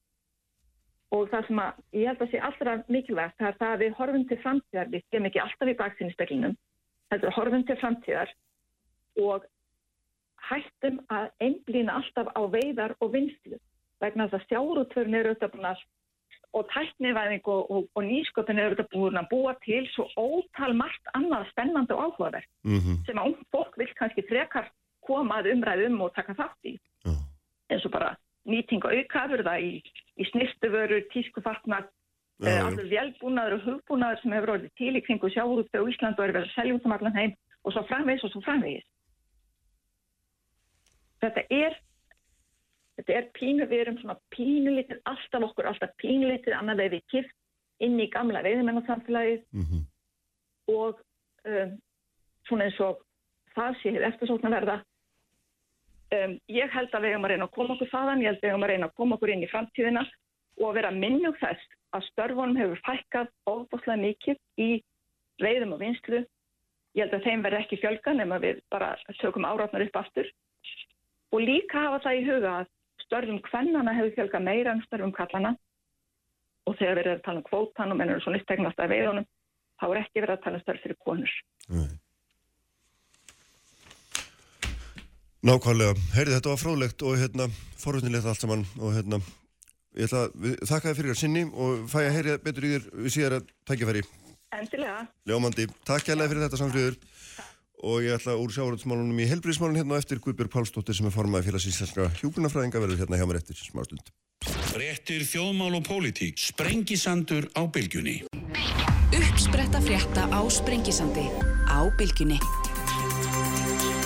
E, Sælir afturluslendur, uh, Samfríð Jónasdóttir, fyrirverandi alþingismadur bæjastjóri á Dalvík, fyrirverandi líka, uh, farin úr símanum að norðan uh, eftir fróðlega yfirferðum sjáarútsmálinn, gótakerfið, afleggingar þessu og hérna svona þær rástafanir sem við hefum gert til þess að breyðast við þeim sem eru miður aðskilegar. Uh, Ég ætla að tala um heilbríðiskerfi þessum eftir lifið þáttar Guðbjörg Pálsdóttir sem er formað félags íslenskra hjúgrunafræðingar komin til mín. Vertu velkomin. Þakka kjærlega fyrir bóðið. Já, það er nú lítið. Sko, hérna, fyrir viku þá sátu hérna þrjár þinkonur uh, og einrindar ráðherransvandís og hérna Helga Vala, Helga Dóttir skoraði á ráðherran að koma nú með eitthvað bitastætt inn í kjaraviðræðnar sem standa yfir við ykkur og hafa nú staðið yfir í held í hvað er ekki nýju mánuði? Jú, rúmlega nýju mánuði. Og nú er bara spurningin, nú er vika liðin, hefur eitthvað komið? Hva, hver er staðan? Já, hún er auðm á mínum mati en við erum samt ekki til að leggja árar í bát akkurat núna. Mm -hmm. Þessa helgina, það, það byrjaði sérst undir handlegslu ríkisáttasamira var settur á stað, uh, aftur á stað uh, fundur, nei hérna hópurinn um vaktavinnuna mm -hmm. Og á þá bara, á þá líka við, ekki bara okkur heldur B&M, BSB já, já. og fleiri. Mm -hmm. uh, þar sem að við erum náttúrulega það er mikið undir hjá vaktafinnustjættunum og við erum með tvo þriðju í þeim hópi þannig að oh. það er nú ástæðan fyrir okkar þólumæði og það var sleiði klárin aftur núna 50 daginn og þau hafa setið bara meira minna síðan niður í borgatúni og setja enn mm -hmm. Og erum við svolítið að láta reyna á það þessa helgi. Við í hjá hjúkunarfræðingunum munum taka stöðuna eftir háti og morgun með okkar trúnaðmönnum og ákveða þá í raunni hvað við erum að gera. En mm. auðvita þegar maður horfir í baksinnspeilin þá er þetta náttúrulega búið að taka allt og langan tíma. Uh, í rauninni talað fyrir döfum eirum mm -hmm. Ekki verið góðu tótun á þessum tíma eða hvað? Nei, ég, mér finnst ekki, jú það er alltaf eitthvað og, og eins og ég segi við höfum hangið inni á því að við eigum allt undir í vaktavinnuhóknu, mm. við erum náttúrulega með stærstu vaktavinnustjættin í helbriði skeiranum mm -hmm. og, og því hefur við lagt á ofur áherslu ástýttingu vinnuvíkunar hjá þeim hópi en þetta fer náttúrulega bara verða nokkuð gott ef að ef að ríkið, eða við skulum segja fjármálaráðanitið, ætlar að semja þá náttúrulega held ég að það væri komið. Já, ég veit ekki okkur það þarf að taka svo langt tíð, gerist þetta erlendis? Bara, Nei, það gerist ekki svona nei, erlendis, það er ekki það er komið næstu samningur. og, og, hérna, já, það er líku næstu samningur fyrir þegar annar fellur úr gildi. Já. það er einhverju hluta vegna ekki hér á það er ekki íslenska lagi, það, nei, það er alveg lögt já, já, en, en eins og ég segi samningar nefnd eins og ég fann að kalla hana fjármálaráðanitsins ég sé ekki alveg hvernig þetta getur verið samningar nefnd ríkisins þar sem að þetta eru fólk frá fjármálaráðunitinu og síðan þegar að allavega, þegar það er eitthvað sérstakt með okkur þá á ég að ganga á uh, fund með heilbriðisráþara sem ég reyndar á eftir og byggja hann um eitthvað. Mm -hmm. Ég náttúrulega stendi þeirri trú að við séum að semja við ríkið ekki satt uh -huh. og þar með er það sérstaklega ríkið og, og fulltingi ríkistjórnarinnar og ég náttúrulega bara held að þetta fólk vinni þetta sama sem eitt teimi Jaha. en uh, það er alveg ljóst Þú Nei, en það er bara ekki þannig hvernig svo sem, svo sem það þykir eðlilegt eða ekki en það er bara ekki mm -hmm. þannig og ég veit ekki hvort það er út af því að fjármálaráðuniti hefur bara tekið sér þetta valdi gegnum tíðina eða önnur ráðuniti, allt eftir hvað önnur ráðuniti á við hverju sinni hefur gefið eftir valdið mm -hmm. en uh, En þetta er bara svona, við í rauninni erum og það má bara breyta þessu nafni, þetta er bara samningarlemt fjármála ráðnitsins, mm -hmm. ekki ríkisins mm -hmm. og það miðast allt við það hvað sagt er á, það er niður frá. Já.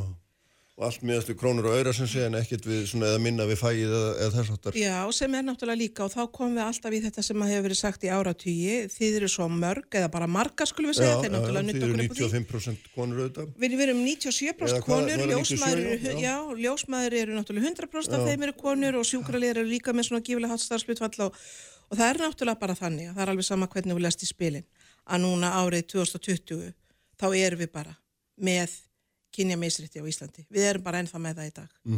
Það, það fer ekkert að milli mála. Skísla ríkisendurskoðuna sem að í raunin eins og ég segi er nú skísla þeirra og þeir neyta nú að ræða við okkur í þessum samningaviðræðum. Það er sínt fram á að hjúkunarfræðingar eru með 12% lægri laun en sam, aðrar háskólastéttir með sambarlega mentun ábyrð. Það er ekki nokkur vegur að koma þessu, þessari umræðin á samningsborði, bara sem dæmi.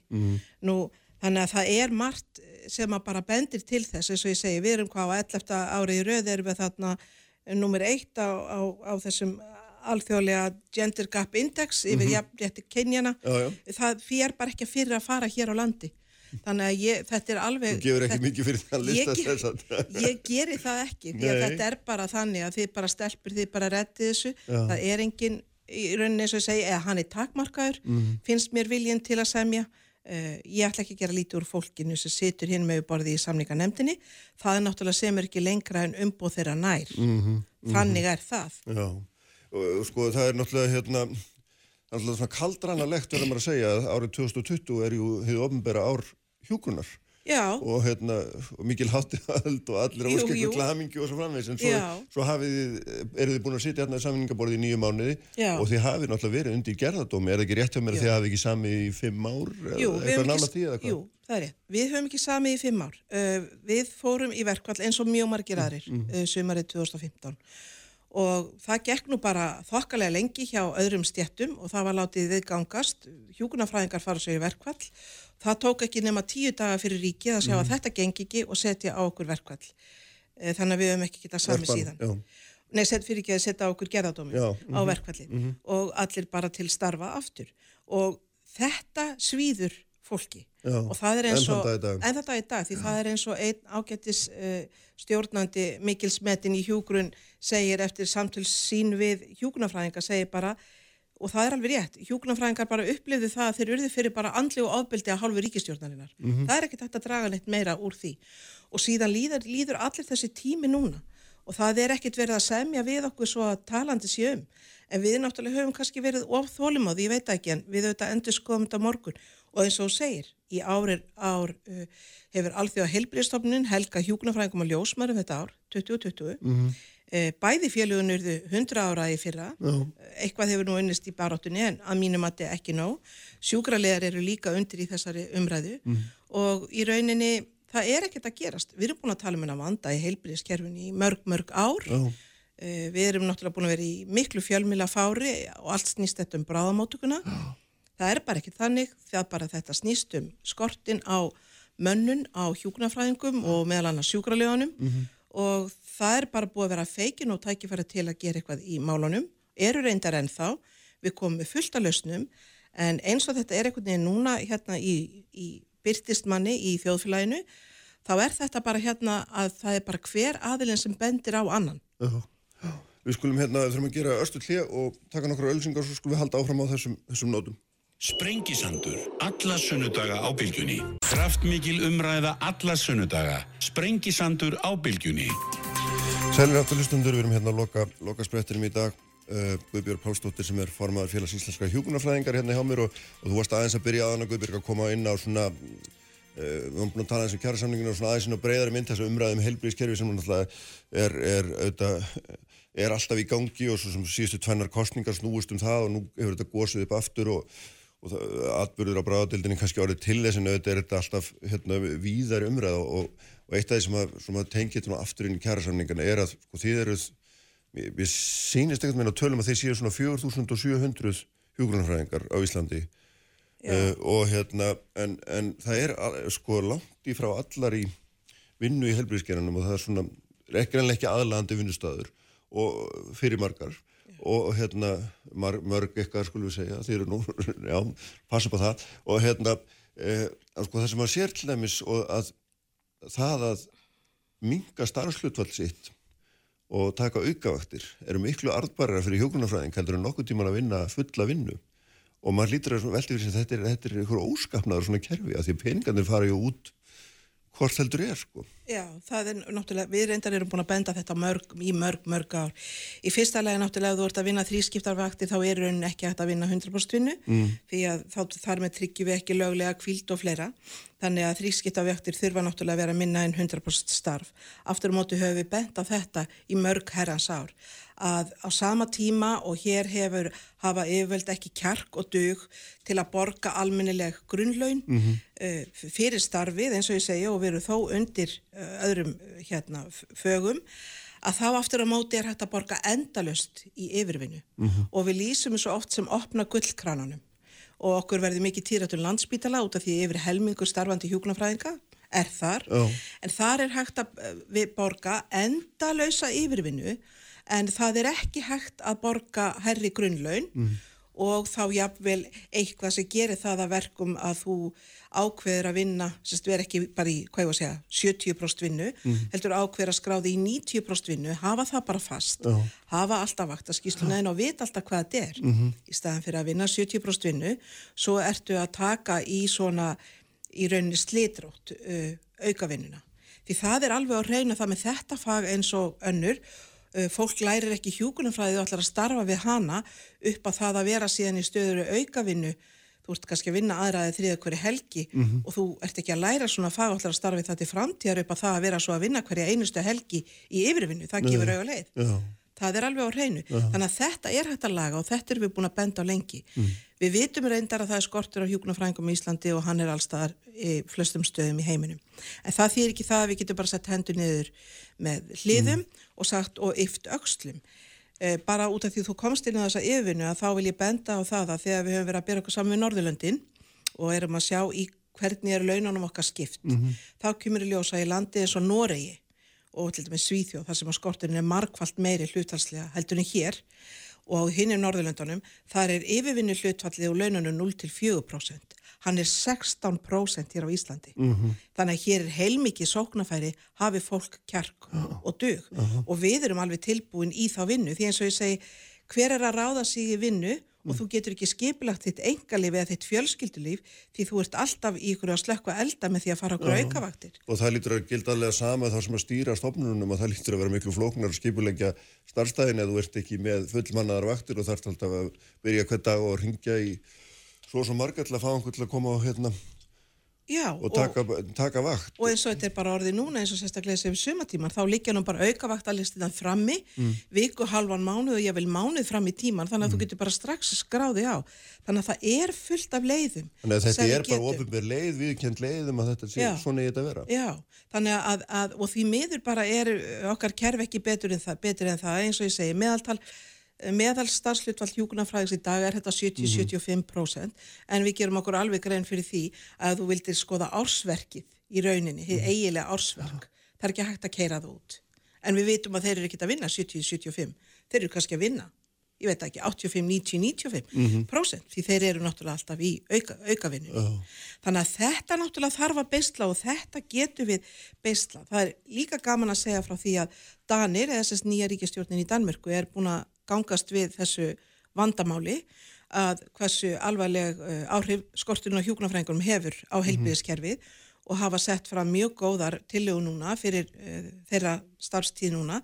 Þeir ætla að fjölga, fjölga um annars vegar 500 í ár og síðan 1000 hjókunarfrænga næsta ár og setja í það 3 og 600 miljónir danskar mm -hmm. og þeir setja þetta fjármagn inn á ymsa staði í kerfinu, inn í mentunumálinn inn í launamálinn, inn í starfsumkörfið og fleira því þeir eru búin að átta sig á þessu. Mm -hmm. Það er fullt af hugmyndum.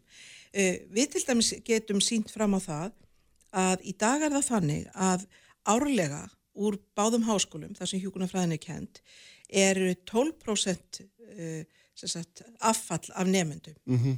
Þessi 12% og þá erum við reyndar að tala um frá því þeir eru á öðru, sérst, annari önvoruninni á fyrst ári og fram á útskrift, þá missum við 12% út. Já, sem hætta sem. Sem bara hætta í náminu. Já, já. Þetta, ef það væri hægt að halda þessum einstakleikum í námi, sem við vitum að er að stóru leiti því að það vantar meiri stuðning í klíniska kjænsla, það vantar að setja fjármagni þar aftur inn, sem að var áður að það var tekið okkur 2012, að Þetta getur stóra aukist. Þetta eru 17 hjúgrunafræðingar á ári.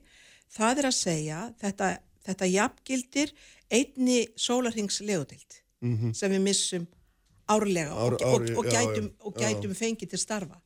Jafnframt erum við að, að missa uh, svona fjórða til fymta hvert hjúgrunafræðing úr starfi Mhm. innan fimm árum eftir útskrift og þetta finnst mér yfirveld ekki verið að Er, kveikja er það missað út af þá spítalanum eða bara, bara úr er hjúgrun yfir höfuð? það eru alltaf þessi þrjú líkil aðrið, það er álæðistarfinu, Mhm. það er ófullnæðandi starfsumhverfi Mhm. og svo er það launakjörin. Við höfum gert könnun, ríkisendur skoðin er búin að skoða þetta, það eru margir búin að skoða þetta, ráðunetið, heilbriðisráðunetið fór nú stað þarna með nýju tilugur sem sendar Mhm. voru til heilbriðistofnana í, fyrir akkurat sléttu ári sem áttu að skoða hvað hægt var að gera til að halda sérstaklega hjúknafræðingum í starfi en líka ljósmarum og sjúkraliðum og eftir sex eða sjö mánuðu þeirri vinnu, hvað kom út? Þetta sama. Álægi starfi, starfsumhverfi Mhm. og launaþátturinn. Aha. Nú erum við enn komin með fleiri Hvað- starfsum. Hvað finnst þér að, að hjúgrunafræðingur með 20 ára starfsreynslu og bara sem stendur sér vel og er klára sínu eiga í mánuðalinn? Ég hann að náttúrulega ekki vera eins og hann er í dag undri, undri halvu miljón og bara svo ég noti sem dæmi að þegar við vorum í verkvallinu hérna uh, 2015 Seg, ekki fara svona kringum þetta, segðu Já. mér, frekar, ég meina, hvað, um, um hvaða tölur snýst þetta? Sko, að ég- ég er Þegar maður er að skoða allir með bara í okkar eigin við, þá sér maður tölur eins og 600 og eitthvað þúsund, Já, það 700 má- og eitthvað já, þúsund, en það vera- er með þessu vaktálægi. Sko því að það má ekki Er gleyma því að vakta að um eða? það er alltaf verið að tala um vaktálægir Mhm. fólk sem að vinna vaktavinnu er að vinna um helgar og á Mhm. kvöldin og nóttinu og um hátíðir þegar aðrir er ekki að vinna uh, vaktálægi getur skýrt allt sko að að minnstakosti einn þriðja af þínum launatölum Mhm. þannig að þegar að ríki tekur og segir byttu fyrir ekki þú ert náttúrulega bara með 7 til 800 eða 900 þúsund í laun Mhm. já en ert þú að vinna aðfokataskvöld ert þú að vinna páskadagsmorgun Mhm. ert þú að vinna næstu helgi þannig að auðvita þarf að borga það líka Uh-huh. nei en ég náttúrulega myndi segja heiklust svona fólk sem er búið að vinna í 20-25 ár má algjörlega hafa yfir 600-650 að minnstakosti Mhm. því að ég sitt Í- í- ennþá í grunnlaun eða já, já. ég sitt bara, en það, ég ætla að taka fram það er ekki okkar krafa Nei, nei, ég, nei, nei, ég er bara að reyna að skilja hvaða tölur eru í Já, gangi, sko. en bara sitt þess að speikla það Mm. að þegar við vorum í verkvöldinu 2015 þá fannst mér hryllilegt að vera þarna og stýra, því, stýra þarna þessum aðgerðum í verkvallinu, fá til mín uh, hjúgrunafræðinga konur sem voru með 20-25 ára reynslu og á sama tíma að þær voru að koma að fara að ganga verkvallsvaktinar Mm. og voru þar að undirbúa útskriftafislu barnana sinna sem voru að klára viðskiptafræði, hagfræði og önnu sambarileg fög Mhm. og voru búin að ráða sig inn hjá einhverju stopnunum með sér ríkiseknum Mhm. fyrir yfir halva miljón í grunnlaun Aha. og það var eins og það sögðu ég er ekki með sko tvo þriðju af þeirra launum Mhm. eftir 25 ári starfi og hér stend ég verkvælsvaktina Aha. með sömu já.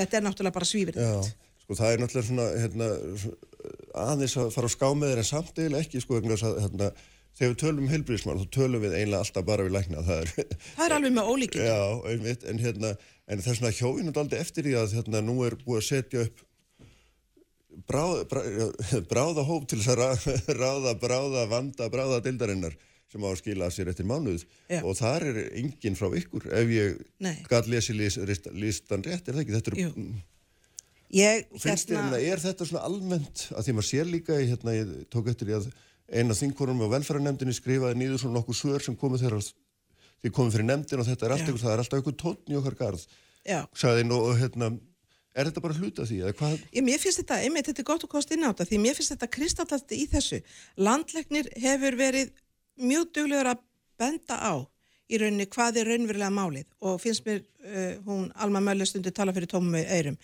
hún kemur með þessa fimm aðtóðasemdir uh, tillögur og þegar ég vinn mig í gegnum þær þá koma þær í annarkort beint eða þetta er afleðing þess að það vantar hjúkunafræðinga til starfa í kerfið. Það er Mhm. alveg sama hvað hún kemur inn í þetta. Ég fagna þessum hópi, ég ætla ekki að gera lítið úr því og ég tala nú ekki um því hann á að skila sér inn að mánu en snýst um bráðamótukuna. En eins og ég segi, allar þessar fimm tillögur sem á að vinna að snúa öllar að mönnun hjúkunafræðinga. Ég horfi á þetta í gerðkvöldi, það eru þrýr læknar í hópnu. Mm þessum bráða hópi Já, reyndar er annarsjör hún sem er aðstofamaður fórstjóra, hún er hjúkunafræðingur en hún er náttúrulega aðna fyrir hönd yfirstjórnarinnar. Mér er það algjörlega óskiljanlegt, reyndar á ráðuniti eftir að nafngreina að einhverja tvo. Mhm. Mér er það algjörlega óskiljanlegt þegar þú lest í gegnum tilhjóðnar hvernig hægt er að fara að setja fram svona hóp og vera ekki með uh, einhvers konar með fulltrúa hjúgrunafræðinga eða, reynd, eða bara mjög reyndan stjórnanda í hjúgrun, þetta er alveg með magnað.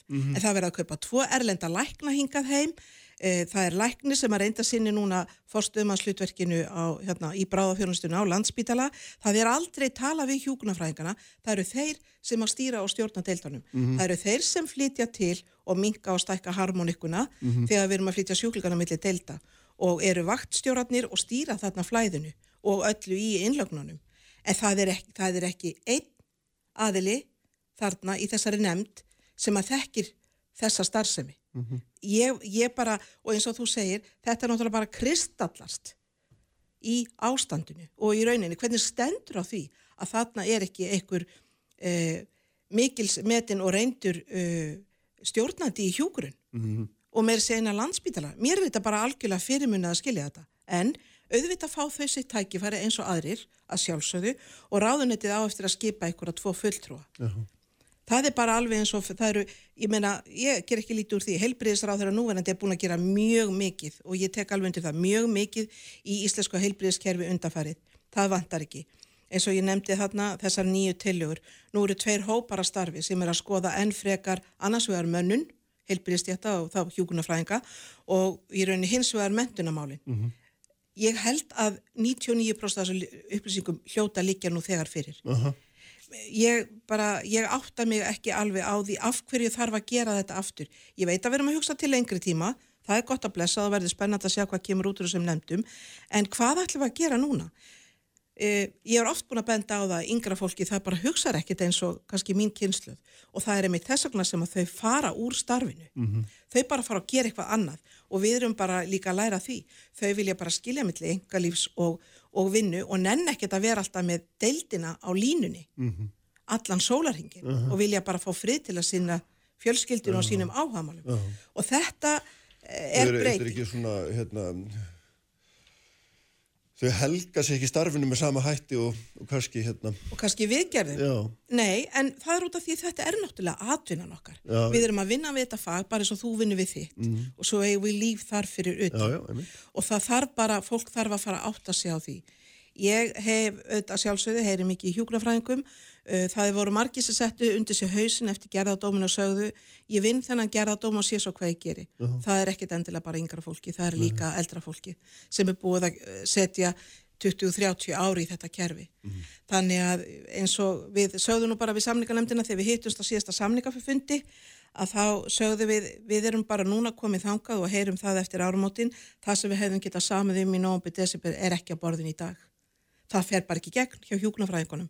Við fáum skýr skilabóðum það. Já, já, frá ykkar eigin, Frá, frá bara okkar já. sem eru búin að vera að hafa samband eftir áramótin að, og því að sko það kostar að láta klukkuna tikka Mm. og þessi vanvirðing að taka nýju mánuði Mm. þetta er náttúrulega bara algjörlega í anda gerðadómsins það er bara ekkert á okkur hlustað það er ekkert í rauninni þ- þetta er allavega ekki nógu hérna kröftugar og, og mátt, máttmiklar umræðu Mm. til þess að þetta sé að skilja ykkur eins og ég segi, nú vantar bara kjark og þor. Já, og horfið núna- á Danina, horfið á aðra þjónið.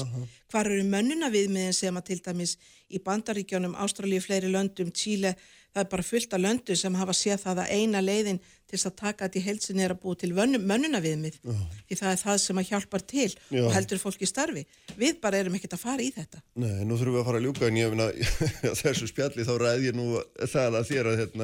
að að, að morgundagurinn getur nú orðið ansið atriðaríkur og þið eru svona ekkit, Já. nú ekki, ekki mikill samningatótt í þér.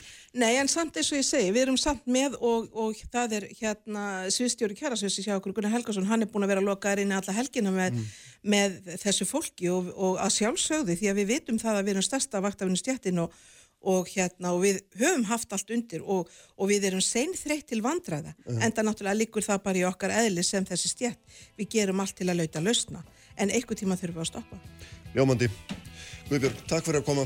Hérna, við erum að láta sprengisendunum lokið í dag, allt efnir á vísi.is og bilgjan.is. Ívar Jóhann Haldursson stýrið auðvitað útsendingun eða venni og sjálfur verði með ykkur hér aftur eftir viku. Verðið sæl.